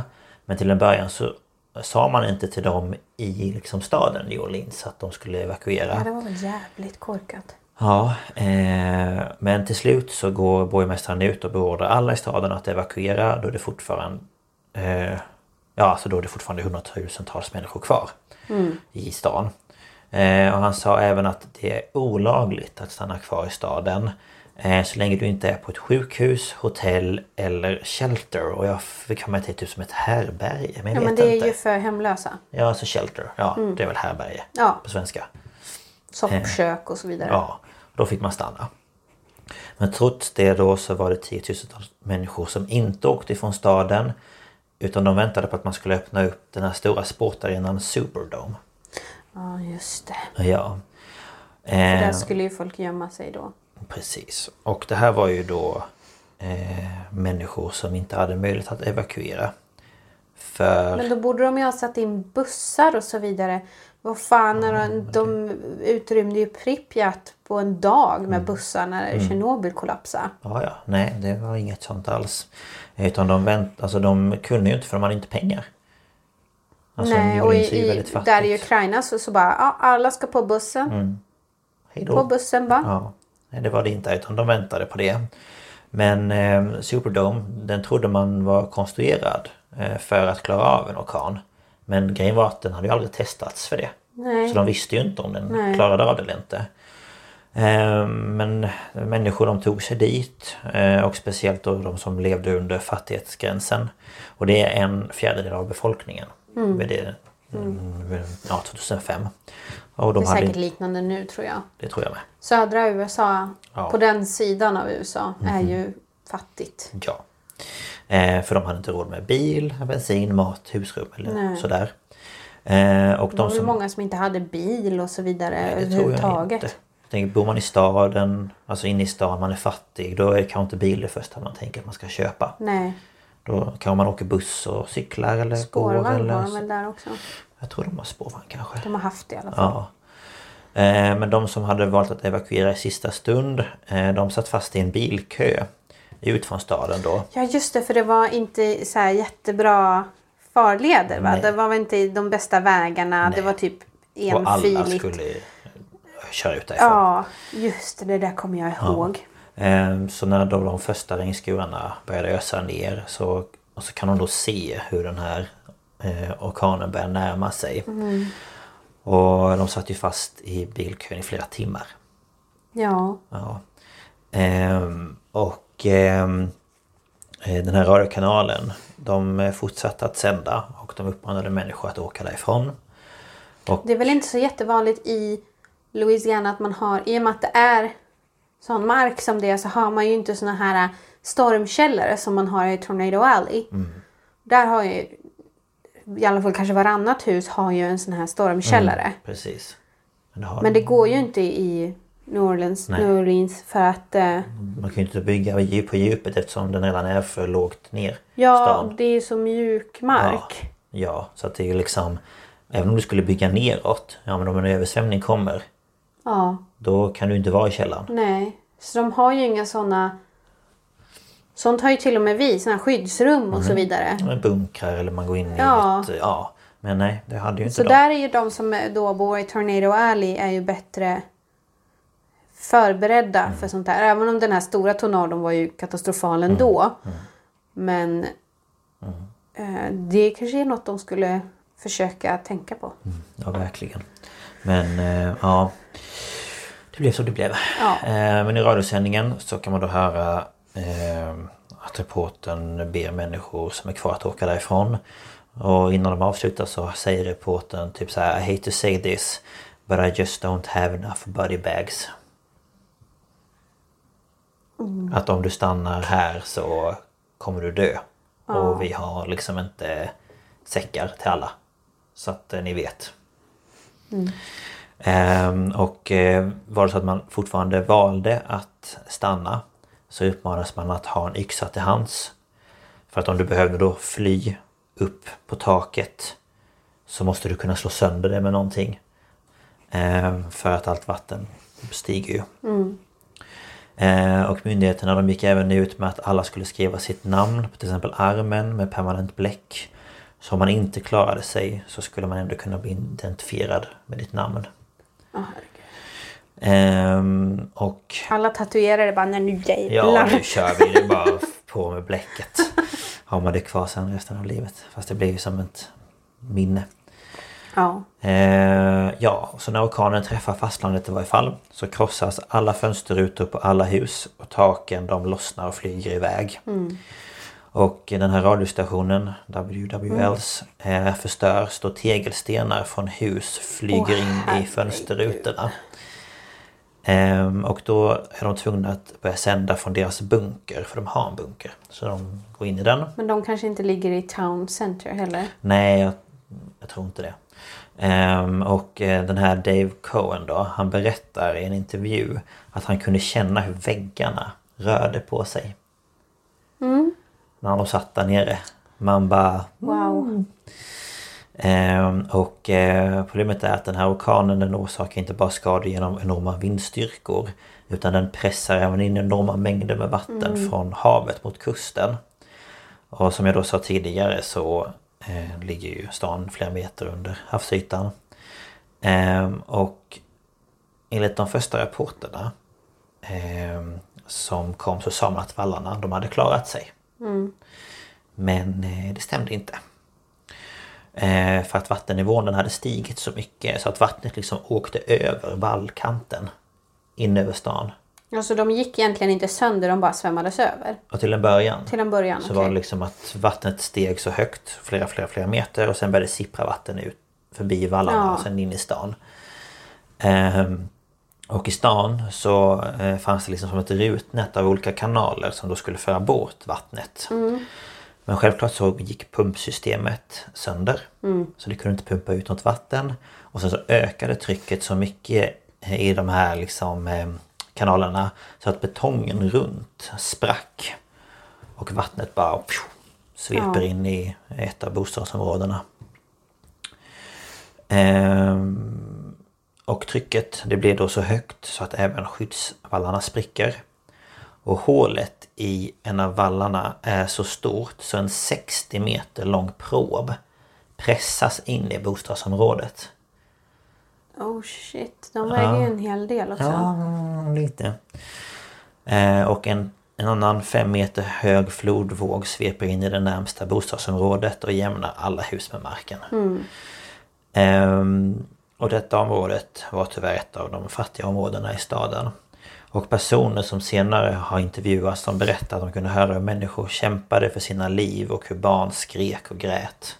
Man bara... "Buh, Usch. Eh, och i eh, den här P3-dokumentären så berättar reportern då, alltså för P3 Dokumentär, om en man som försöker fly genom ventilationen ut på taket men som drunknar på sin egen vind. Eh, och en eh, 26-årig kvinna som slits ur sin pojkväns grepp av vattenmassorna. Och när de då står på ett av taken och då försöker mamman gripa tag i henne men hon eh, försvinner också under vattnet och ingen av dem klarade sig. Nej, alltså det blir ju sådana strömmar som man sugs Ja. neråt också. Precis, och allt bråte som är liksom med i vattnet och... Ja, fy fan. Usch. Eh, och i den här sportarenan Superdome så är det fortfarande tiotusentals människor som har sökt skydd. Eh, och elen slutar, slutade fungera. Ja, det de hade ingen så el. konstigt. Nej. Eh, och vinden eh, den sliter bort delar av taket. Mm. Och det bildas två stycken så här sex meter stora hål i taket. Ja, just det. Man bara, ja, fast den skulle ju klara en orkan. Eller var det? Nej. Ehm, och, Kanske inte en så stor. nej, det var en liten orkan. Eh, och fortfarande så tror ju myndigheterna att skyddsvallarna har klarat sig. Och att det bara är regnvatten som gjort att det är översvämningar. Man bara... Eh, jag vet inte hur regnvatten Ja, kan föra in en fem meter hög våg. Men, Ja, det är jättekonstigt. men eh, då i varje fall, precis när de går ut med den här informationen så går även den andra skyddsvallen på andra sidan stan sönder. Och då forsar vatten in från den, det hållet också. Och tar det, de husen och bara tjoff. Så de jämnas också med marken. Eh, och orkanen fortsätter förbi New Orleans vidare till delstaten Mississippi. Och allt i dess väg förstörs och det är jättemånga människor som dör. Ja. Eh, och trots att flera larm kom in om att skyddsvallarna gått sönder så går chefen för den amerikanska katastrofmyndigheten ut i media och säger att de eh, har inte alls gått sönder. Och det här stämde ju då inte. Eh, och det här var inte det första och inte heller det sista misstaget som myndigheterna skulle göra. Nej. Ehm, och de som då hade evakuerat ut från stan eh, trodde inte att skadorna hade blivit så stora. Men i själva verket så fortsatte ju vatten strömma in. Ehm, och hur mycket skador som orkanen hade orsakat det visste man inte. Ehm, men den hade ju slagit ut alla telefonmaster och polisens radio fungerade inte. Nej. Ehm, Men polisen de hade då börjat få in eh, några rapporter om översvämningar från olika delar av staden. Och eh, de började därför leta efter båtar som de behövde för att kunna ta sig runt. Ja, och det finns det väl en hel del av i, Man tycker ju det. i det området Ja. eftersom det är vid kusten. Men frågan är ju vart alla har tagit vägen. Jo, Liksom. det är ju det. Man bara... Boats. Där är en, vi tar den. Ja, men de fick ju göra Lite så. förbi en, då bara den tar vi, tack Ja, så mycket. lite så. De var den tar vi, den blir bra. Eh, Så det var så de fick göra. Eh, Men problemet var att endast halva polisstyrkan hade ju beordrats in. Ja, Ehm, Så innan de då kunde börja, börja rädda andra människor som behövde hjälp så fick de då åka runt och hjälpa poliser, brandmän, ambulanspersonal ut från sin situation för att de sen skulle kunna komma och hjälpa andra. ja herregud. Ehm, Och eh, 80% av New Orleans översvämmades. Eh, och för att de skulle försöka få stopp på vattnet som forsade in så försökte man med hjälp av helikoptrar släppa stora betongblock för att täppa igen de här hålen i vallarna. Men de här blocken de slukades ju bara av vattnet och åkte Alltså, iväg det var ju, igen. det var ju en, en fin tanke. Ja, men det gick inte. Nej, för att man, jag tror att man alla gång på gång underskattar kraften av vatten. Det är ju det. Det Kraften känns av vatten det. är ju alltså enorm. Ja, Det liksom man, men det är verkligen något som människor underskattar gång på gång på gång på gång. För det är det man tänker liksom om, du- om du själv någon gång har till exempel varit i havet Mm. och badat och du står och det kommer en våg mot dig. Bara en liten, Ja. typ inte ens en decimeter. Då känner man ju hur benen så vinglar Mm. till. Tänk dig då liksom att en fem meter våg kommer in med en vattenmassa som är liksom flera hundra meter lång kanske Mm. och bara plöjer. Det är liksom, du har ingen chans. Nej. Det går liksom inte. Eh, men myndigheterna då de tar hjälp av militären och, den och de stationerades ut då i de drabbade områdena. Men problemet var att samarbetet med polisen och övrig räddningspersonal inte fungerade. Eh, och den polis som fanns tillgänglig de hade inte heller någon utbildning i räddningsarbete och speciellt inte på vatten. Så det försvårade ju också arbetet och drog ut på tiden. Eh, och så fanns det ingen bensin till alla båtar. Så polischefen han fick lära sina kollegor att slanga bensin från bilar. Så att de skulle kunna tanka båtarna. Där har vi ju då ett ytterligare problem med deras korta utbildning. Ja. Så här, vi vet inte hur man räddar folk. Nej okej men du jobbar inom eh, räddningstjänsten egentligen. Alltså det blir Ja, ju... här, här är det ju räddningstjänsten. Ja. Polis, ambulans, brandkår. Allt sånt det tillhör Alltså, ju typ samma. de får ju sån bred utbildning här i Sverige. Det går ju flera år. Ja, det är polis. tre år plus aspirant. Ja. Och där går de typ nio veckor. Nej jag vet inte men det är Nej, ju inte många veckor. 16 veckor, eller vad är det? Ja, det är väl något sånt. Men vad hinner du lära dig då? Det, det är ju inte ens, 20, det är inte ens ett halvår. Nej. Nej. De kan typ gå det över en sommar. Ja, jag vet. Det är ju helt galet. Ja. Och så, alltså förlåt. Men har ingen av dem någon gång slangat bensin Det verkar ju inte som det. liv? De bara, eh, va? Slanga bensin? Hur gör man det? Eh. Man måste ju ha hört det någonstans ifrån. Det vet ju till och med jag. Jag har aldrig gjort det. Nej, jag har inte heller gjort det. Men, man jag vet ju hur man gör. Ja. Nej, jag vet inte varför de inte har... eh, De måste ju ha hört det, men det... Ja. Eh, nej. Eh, den här radiokanalen i varje fall. Eh, de lyckades fortfarande att sända från bunkern. Och eftersom nödsamtalen till 911 inte gick fram på grund av att det var för högt tryck och ja. Eh, så började människor ringa till radiokanalen istället. Som tog emot deras samtal i livesändning. Ehm, och eh, poliserna de fortsätter sitt arbete och de stöter på eh, flera kroppar som flyter i vattnet och de vet inte vad de ska göra. Så de går till polischefen som säger att de ska fokusera på det som går att rädda eftersom de döda är redan döda. Vi kan inte göra någonting åt det tyvärr. Nej, det är Ehm, viktigare att de lägger energi på att hitta de som håller på att dö, som kan räddas. Ja, Än människor som inte längre lider. ja.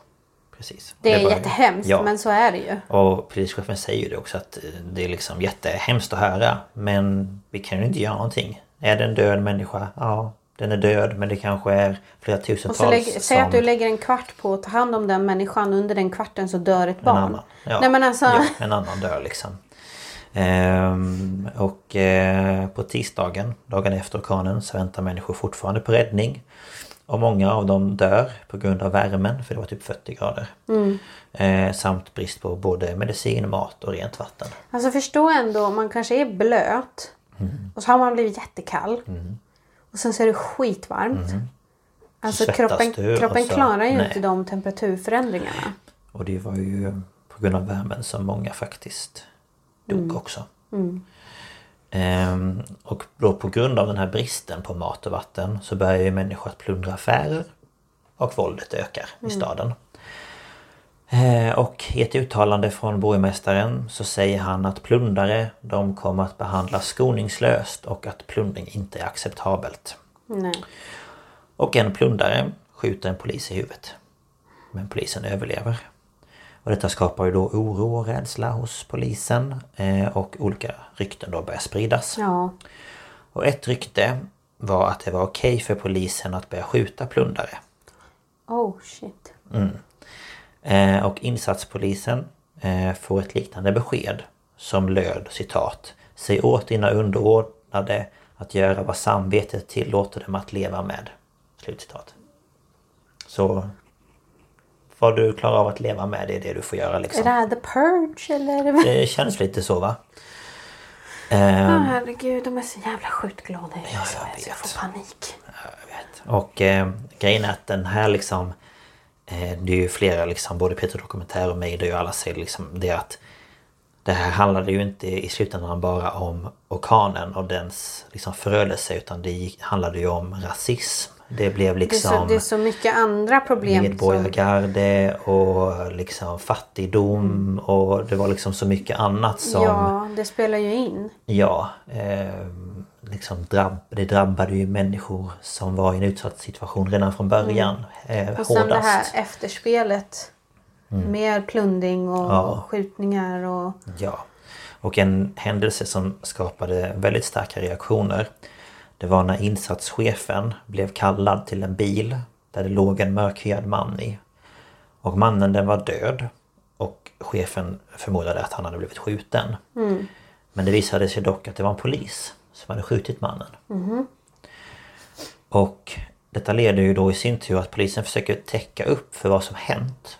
Och då tar en annan polis, inte den som sköt, utan en annan polis och kör ut bilen till utkanten av ett skogsparti och då följer polischefen med fast bakom i en egen bil. Eh, och han vet ju inte vad som ska hända. Men den här polisen inne i bilen sätter fyr på bilen. Och för att få in mer syre i bilen så skjuter polisen sönder bakrutan. Så att det ska få extra mycket fart liksom. Och då frågar ju polischefen liksom vad fan håller du på med? Och han bara nej men jag är så trött på att se alla döda människor överallt.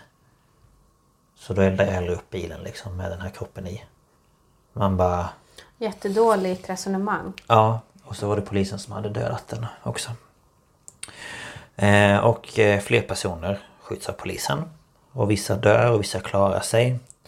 Och polisen planterar vapen och de hittar på vittnesmål för att täcka upp. Och det dröjer liksom flera månader innan några rapporter överhuvudtaget görs om allt det som hände. Eh, och alla de som sköts var svarta. Och polisen anklagas såklart för rasism. Ja, det förstår man ju. Ja, Men hur ser det ut med liksom befolkning? Är det, det är väl största majoriteten som bor i New Orleans är svarta? Va? Ja, eh, det är väldigt många som är det. Och Det är såna här... Um, det det heter ju inte kreoler men... Alltså så här... eh, Det är franskättlingar och det är mycket av det här med voodoo, hoodoo. Jag vet inte, de kallas ju för någonting men jag kommer inte ihåg vad det är. nej, jag vet faktiskt inte heller. Det enda jag vet är att jag hittade information om att innan orkanen så bodde det 500 000 personer i New Orleans. Och ett år senare så bodde där 200 000. Ja men det var ju för att folk inte hade råd att Ja. återbygga. Och de som inte det hade råd att återbygga var ju mörkhyade personer. För de hade ju inte För råd. det är ju mycket det här med det är ju blues och allt sånt där. Det är ju liksom... Jazz, blues, Ja. eh, mycket. Ja, men det är ju, den, det är ju liksom en kultur där som ja, eh, som jag, jag associerar den mest till mörkhyade. Ja, det har jag också gjort. Och jag tror att det är väl... ehm, Och liksom när jag tänker mig New Orleans som jag har sett på, på tv, alltså inte på film utan Mm. tv, nyheter och så vidare så är det nog mest mörka som bor där. Jag tror också det. Och sen så tänker jag också att ehm, jag lyssnade häromdagen på Spöktimmens nya avsnitt. Ja, det har inte jag gjort än. Nej, och där tar de upp lite om ehm, ehm, vad heter det? Slaveriet. Ja. Och om eh, dödsstraff och sånt. Och i de eh, delstaterna i södern finns ju oftast fortfarande eh, dödsstraffet. ja. Eh, och eh, eh, det är för att de flesta som får dödsstraff är mörkhyade. Och då var det någonting med att För det temat var väl oskyldigt dömd va? Ja Och då var det typ att de ville hålla kvar vid de svarta för att Ja, alltså det var, jag kommer inte ihåg exakt men att Och jag tror det är därför det är så många mörkhyade personer i södern just för att slaveriet fortsatte Ja, där. och, och allt det här med, med jazz och sånt det kom väl ifrån... Slaveriet. Ja visst Det ju gjorde det från... det. Eh, åh, vad kallar man det för? Eh, den här musiken som de sjöng när de typ var ute på fälten. Eh, och det heter ju något speciellt. Jag vet inte vilket ord du är ute efter. Åh gud. Eh, det finns spe- en speciell musikterm i varje fall. För när slavarna gick ut på fälten och arbetade så sjöng de Mm, eh, sånger. Ja, de hade liksom sina... Inte slagsånger kan man inte säga men, Nej, men... men- det var en viss typ av Ja. visor liksom. Och nu har jag glömt vad det heter. Men Ja. sån, den, den musiken Är ju liksom är grunden till, till jazz och blues. Ja. Och, och sen är ju den här kulturen då, de tog ju med sig, det är som att de har återtagit staden och gjort den till sin. Mm. Och de har alla de här gamla det, de- det, alltså det man tänker med New Orleans är ju jazz, blues, hoodoo, voodoo. Ja, ja, men verkligen. och den här eh, stora begravningsplatsen och Ja. folk pratar franska och, och det är väldigt... Ja, Det är gammalt på något vis. Jo men det är det och jag gillar jag, jag tycker- Alltså, jag skulle så gärna vilja åka dit. Ja. ja men det verkar mysigt liksom. Det är ju tråkigt då att det blev, så mycket blev förstört. Ja. Men som jag har förstått, det kanske det kommer till, men att typ det här mest kända typ French Quarters, att det Mm. klarade sig hyfsat. Eh, ja, det var vissa franska distrikt som klarade sig vad jag kommer ihåg. Men jag har inte skrivit upp någonting om Nej. det faktiskt. Men eh, eh, jag tyckte att jag hörde det i Mm. någon dokumentär. Det, det var det jag funderade på också när jag sa att de hade spårvagn. Jag vet inte om den finns kvar nu. Men jag vet att de hade jättefina såna här öppna spårvagnar. Som var väldigt så här fina färger och så. De är mycket för det Som där typ i med... San Francisco eller? Ja fast, öppna. fast tänk såna fast de var typ så här vita med så snirkliga mönster. Mm. Ja, ja. Och typ så här grönt och liksom. De är ju mycket för det ska ju vara mycket färg Mm. Ja, och flärd. Liksom. Verkligen. Eh, Men jag vet inte hur de klarade sig. Nej, det vet faktiskt inte Gud jag vad vi drog iväg Ja. ämne. Men det är en det är intressant ändå- diskussion. ja. Det tillhör ju väldigt Men mycket. verkligen. För det, är ju, det var ju de svarta som drabbades hårdast. Ja. Och om det Eh. då var främst... Det finns ju såklart alla, alla mörkhyade och- eller svarta är ju inte fattiga. Mm. Nej, Man ska ju inte gud, likställa det. Nej, nej, Så det var väl... Det, men, men Men i USA tror jag att det faktiskt tyvärr är så. Majoriteten ja, svarta i USA men är just i inte New rika. Orleans fanns det nog eh, båda Ja, delarna. Men ja. det fanns säkert vita som fattiga också. Ja, gud ja. Såklart. Alltså södern i USA. Om man tänker inte, inte på vad blir det, västkusten utan östra Mm. USA. Alltså ja, men Louisiana, Mississippi. ehm, runt, ja, men Mm. Runt där. Det är ju väldigt mycket fattigdom. Det är där folk har inga tänder och de gifter sig med kusiner. Och... Nej men alltså... Hillbillies. Ja, hillbillies. Ja, det var det jag Det tänkte är det på. att när, ja. när folk säger södern i USA då tänker jag på hillbillies. Ja, man bor liksom i en sån här typ eh, trailer. Ja, eller så här plåthus. Ja. Som gjort av sån här plåt som Vågigt. vi har på taken på altaner. Ja, men lite så. Ja, men typ. Och det är jättehemskt att det är så, men det är så jag Jo, det är förknippar därför jag kan tänka mig då att de husen hade ju inte en chans. Och speciellt inte såna här trailers. Alltså, det är ju inte som en husvagn men det är som det en är ju- husvagn ja. fast de bygger ju som verandor Ja, och grejer. de bygger som men, ett hus men de har ju ingen riktig grund.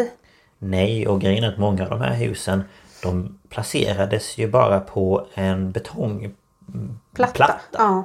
på marken. Det var ju inte såna här pålar som man sticker Nej. ner 500 meter ner i jorden. Nej. Utan det var, de liksom låg ju på Ja, då, då lyfts de ju bara Ja. av vattnet. Så det hade de, och husen bara Ja. åkte iväg. Ja, nej, det är jättehemskt. Ja, tillbaks Ja, till tillbaks till historien. historien. Vilken utsvävning Eh, det blev. Ja, nej men de eh, anklagas för rasism i varje fall. Mm. Och sen samtidigt så väntar människor på hjälp både vid eh, den här Superdome och vid The Convention Center. Och Ja, vid det. The Convention Center så är det någon som har dött i en rullstol precis vid entrén. Den liksom sitter där i rullstolen helt död. Ja, men. Eh, och många som inte... Och många som dör då som inte får mat eller vatten på flera dagar. Det var en eh, skådespelare som de intervjuade. Hans eh, morbröder heter det va? Mm. De fick inte mat eller vatten på fyra dagar. Åh fy fan. Mm, så de dog.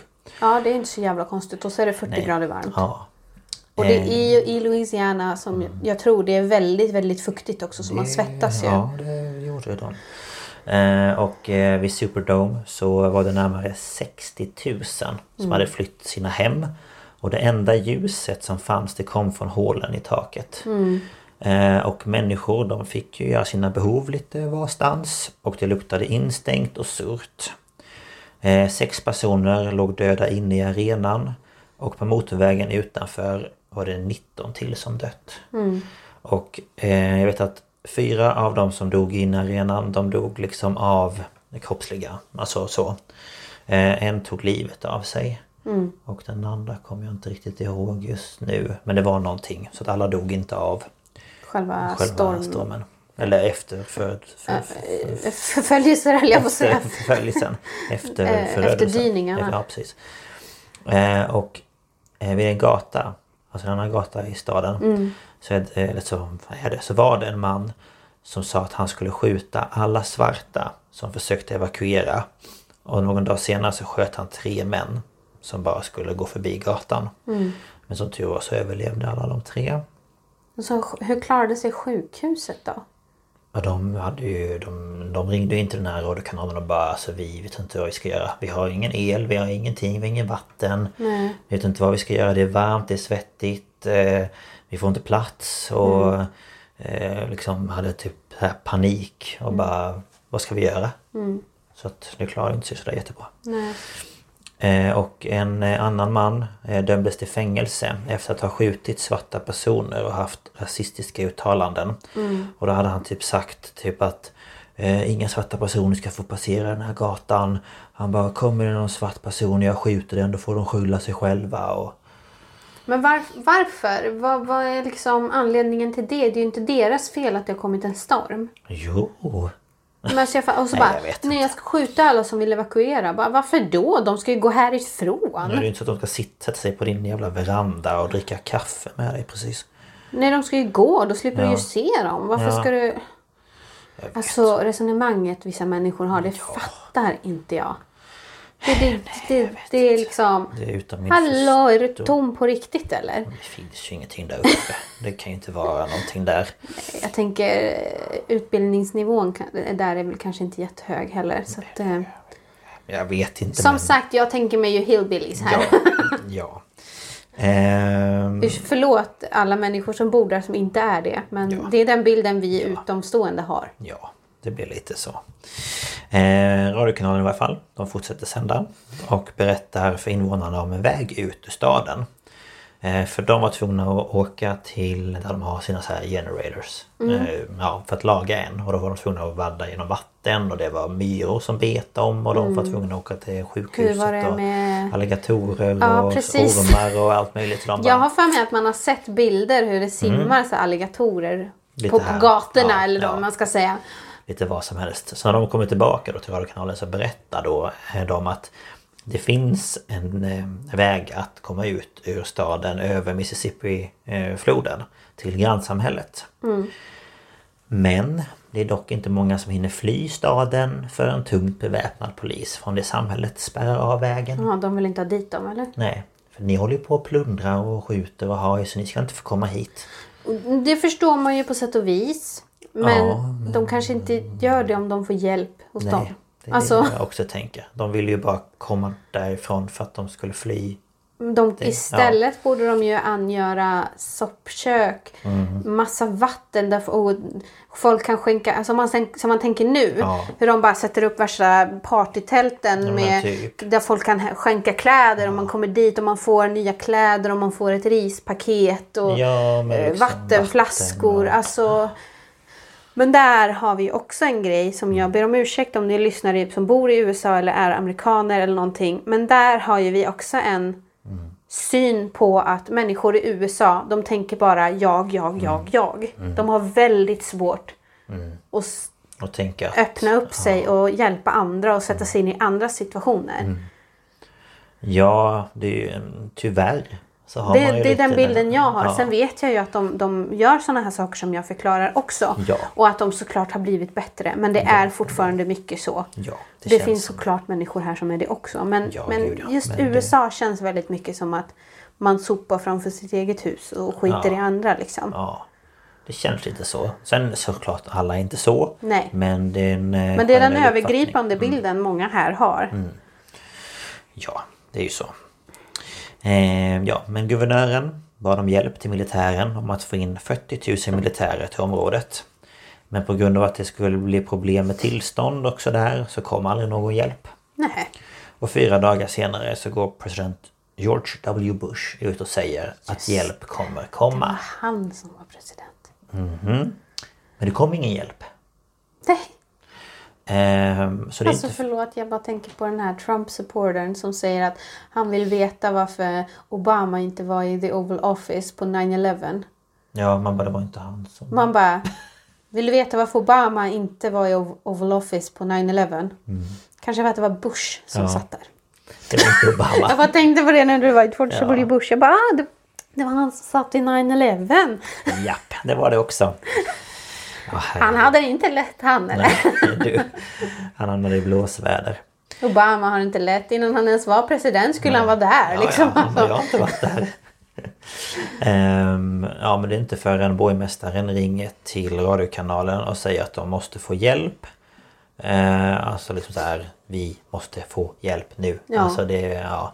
Och både borgmästaren samt radioreportrarna de börjar gråta. Som hjälpen kommer. jag kommer ihåg man har sett intervjuer med borgmästaren. Ja. Han är ju så besviken. Och det här var ju en vecka efter orkanen hade Mm. slått till. Och då anlände till slut 54 000 militärer till området eh, för att hjälpa till. Mm. Två veckor efter orkanen så börjar myndigheterna samla ihop alla döda och ytterligare några veckor senare har nästan allt vatten pumpats ut ur staden och eh, det är några människor som då börjar återvända. Mm. Och de gick ju runt i alla kvarteren och så räknade de eh, I det här huset, ja då är det två som lever, en som är död. Då satte man en etta och så ett kryss. Och sen gick man till nästa och sa, ja men här har två överlevt. Eller två dött. Då satte man en tvåa. Så man kunde räkna hus för hus. Och så gjorde man så hela vägen. Och då kunde man kanske ta reda på hur många bodde i det här huset. Ja. Okej, då, har en, då är det en som måste ha dragit härifrån eller som vi inte hittar. Mm, precis. Så så det var ju man. ganska smart. Ja, tycker jag också. Eh, Men det är svårt att veta hur många människor som omkom i orkanen. Eh, Men man säger att det är någonstans mellan 1200 och 1800 personer. Alltså det är ändå inte så många som man skulle kunna tro att det kunde vara. Nej. Men det är fruktansvärt många Ja, människor. Gud ja. Men eh, man, man kunde trott att det skulle vara mycket värre. Verkligen. Eh, Men många av de som dog har fortfarande inte identifierats. Eh, Och antalet självmord ökade också efter katastrofen då många förlorade allt de hade ägt. Ja, Hus alla och- familjemedlemmar. Och... Precis. Och åren som följde efter katastrofen så startades många rättsprocesser kring olika brott som skedde under katastrofen. Eh, Det här var då både mot civila men även poliser. Polisen som sköt den svarta mannen i bilen frias. Men polisen som satte fyr på bilen dömdes till 12 års fängelse. Ja, så jag tycker ju nästan det han gjorde var värre. Att dölja det. Ja. Men det var inte vi. Eh, Ja, så han fick 12 år i varje fall. Det är klart det är jättehemskt att skjuta någon. Men just det där att man ser det och vet om att det är en Mm. kollega och så kör man iväg med och så bara, "Men jag tycker det är jobbigt att se döda människor. Man bara, ja, fast... Man bara, du har ju fucking valt fel yrke mannen. Ja, alltså jag menar det var ju typ ehm, eh, Jag tror inte med det men det var liksom eh, Människor som försökte springa över en bro för att få ta skydd. Och då var det en, eh, en, pist- eller en polis som gjorde ett varningsskott i luften. Mm. Och då kom ju annan eh, polis som inte hade varit på platsen från början. Och trodde ju att de avfyrade. Ja. Så de började ju skjuta människorna som sprang på bron. Åh, för han trodde att de attackerade hans kollega. Ja. Och sen när allt hade lagt sig så fattade de ju att det var ju bara vi som sköt. Det var ju ingen som sköt mot oss. Oh my god. Så det var ju en typ en 17-årig pojke som dog. Han var på väg ut från staden med sin kompis och hans mamma. Och sen var det typ någon eh, man som dog också. Ja. Så... Ja, eh, alltså det, det är det jag menar. De är eh, vapengalna, skjutgalna och sen förstår jag ju att det är en viss panik på alla. Ja, Och han, om han då trodde att hans kollega var i trubbel. Men ändå. Ja, alltså. Är, man kanske kan bara kolla läget först. Jag vet inte. Det känns... Nej. Det är svårt att sätta sig in i Ja, situationen men jag verkligen. tycker rent generellt att vapen används för mycket i USA. Ja, usch, verkligen. Det gör ju det. Eh, men eh, orkanen Katrina i alla fall orsakade skador för 125 miljarder dollar. Mm, dollar, gånger det med 10 så har Ja. vi kronor. Alltså det är så mycket pengar. Eh, och det är ungefär lika mycket som Sveriges statsbudget. Så hela vår statsbudget. Som vi aldrig håller. Nej precis. Men det är liksom det som vi har i, alltså i, sta, alltså i statsbudget som de förlorade i en. Men det är hela infrastrukturen. Ja. Det är alla människor, alla hus, allt. Alltså, Man tänker man bygger ju ändå upp en viss in- infrastruktur. Den bygger man ju inte allt på en gång. Nej, Utan det tar ju tid. det byggs ju upp. Alla vägar Ja. och tunnelbanor om man nu har det. Ja. Eh, tågspår och... Ja. ja. så det är ju Nej, men alltså som helst. vatten, el, allt sånt. Jag tänkte ju bara göra, eh, bygga om alla eh, vattenledningar under, va- under marken. Det är det jag menar. Alltså det, det är ju inte sånt som man bygger allt på en gång. Utan det Nej, byggs tar ju man ju successivt. del för del. Nu måste man göra allt på en gång. Ja. Liksom. Då blir det mycket pengar. Och så får du ju kolla då, jaha, vad är det som kanske inte behövs? Är det något område som inte har gått sönder? Mm. Kan vi bara förstärka det eller måste vi byta ut allt? Ja, nej, det är eller... helt galet. Det är svårt att ta in. Ja. Eh, Men efter katastrofen så var det många politiker runt om i både då i Louisiana men jag tror även liksom högre upp. Som eh, ansåg att, de, att det inte var någon, någon idé att lägga pengar på att bygga upp New Orleans igen. Då samma sak skulle kunna hända en gång till. Men det var jättemånga som så här bara ja fast så kan ni inte tänka. Nej. Då får vi ju göra det bättre liksom. Så efter ett halvår efter eh, katastrofen så hade hus börjat byggas upp igen.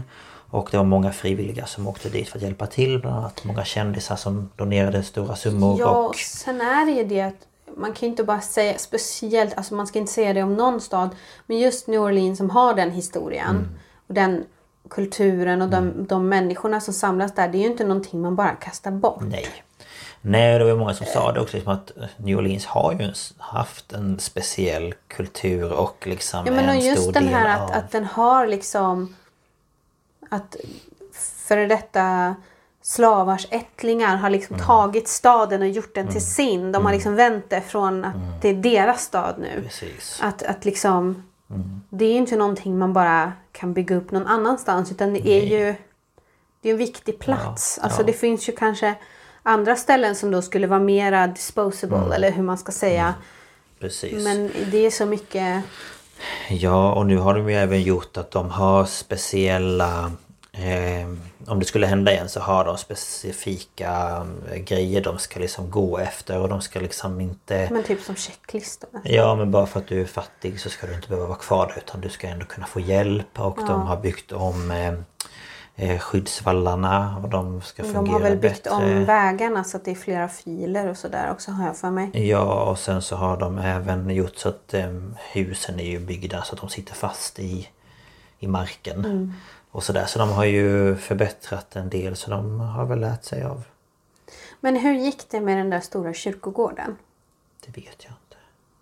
Ingen aning. Den här jätte, jättestora. Ja. Det är ju mass, de har ju inte ens begravda. Där ligger ju inte alla begravda under jord. Utan de ligger i såna här... Mausoleum? Ja men typ. Jag vet faktiskt inte vad som Jag vet inte hur den ligger rent geografiskt. Om den kanske låg högre upp Kan än andra så. delar av staden och så vidare. Det är ju den här jätte, Ja, jätte, ja, jättestora. Men Är det, inte den, är det den som kallas City of the Dead? det kanske det är. Jag, är Jag jag är inte inte. jätte... Men det kanske... Det borde ju sagt någonting om det tycker man ju. Alltså, jag tänkte det är ju verkligen... ehm, eh, skulle ju vara förödande om alla... För det är ju många kända personer, stora profiler. Mhm. Ehm, Du tänker den här franska ja, La- ja, Lafayette. ja, det kanske är den. kyrkogården? Ja, det är nog den jag tänker på. Där, det är typ inga som är begravda under jord. När alla är begravda ovanför. Den Ja. ser ju skit eh, googla på den om ni vill se hur den ser ut. Den ser Alltså den, det är helt ut. fantastiskt. Det är mycket såna här, Som hus liksom som man Ehm, går runt i. många såna här voodoo-profiler som är begravda där. Och Det kan jag tänka mig. man går dit och, och då skänker sprit eller pengar Mm. eller cigaretter. Väldigt vanligt. Lägger man dem där liksom. Och så rent spontant så ser jag ju ingen bild på det. Men sen när man kollar på kartor så känns det som att den ändå ligger eh, ganska mitt i smeten. För det var ju den här Lake Ponta... Ja... Pont, Pont, Ponta, Pontchartrain eller Ja, någonting. som eh, blev överfl... Eh, vad heter det? Svämmade över vallarna. Svämmade över vallarna. Så det känns ju som att den låg ju mitt där men sen vet man ju inte som sagt om Ja, den... det är ju Mississippi-floden där också. Här ja. Men alltså om de inte sa någonting så Jag vet faktiskt inte. kanske den klarade sig ganska bra. Man kan ju hoppas. Jag gillar att de heter så här La- Lafayette Cemetery number one, St. Louis Cem- Cemetery number two, St. Louis Cemetery number three. Ja. Det finns olika här. Där är St. Louis Cemetery number one. Så det finns tre stycken St. Louis Cemetery. Och en Lafayette. Och en Lafayette Square. Ja, nej men så det var det jag hade att erbjuda. Ja, herregud. Ja, det är tragiskt.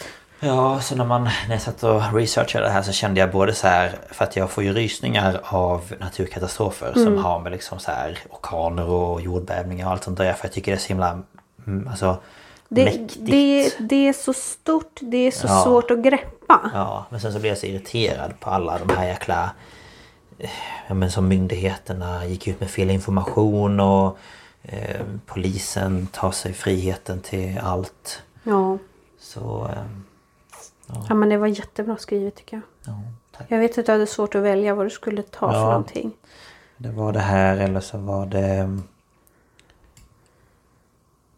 Var det inte tsunamin? Nej, Nej, det var jordbävningen i Haiti. jordbävningen i Haiti. Det var jag som funderade på tsunamin. Ja, i, så eh, det blev Thailand. helt annat. Ja, nej, men det blev bra.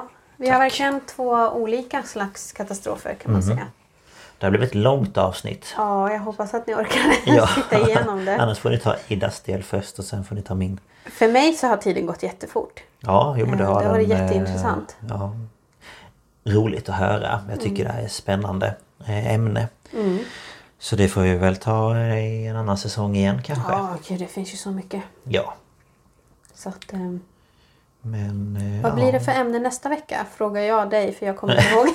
Mm, vad kan det vara?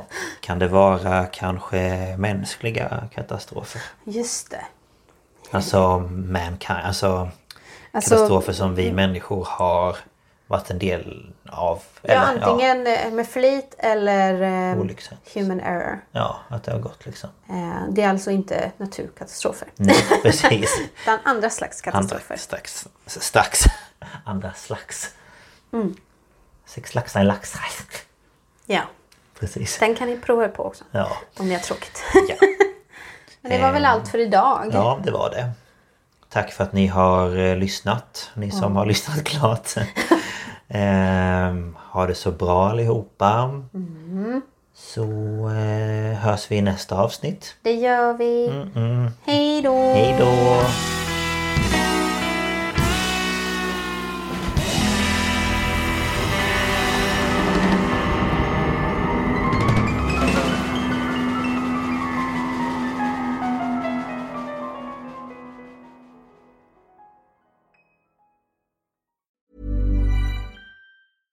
Ever catch yourself eating the same flavorless dinner three days in a row? Dreaming of something better? Well, HelloFresh is your guilt free dream come true, baby. It's me, Gigi Palmer. Let's wake up those taste buds with hot, juicy pecan crusted chicken or garlic butter shrimp scampi. Mm. Hello Fresh. Stop dreaming of all the delicious possibilities and dig in at HelloFresh.com. Let's get this dinner party started.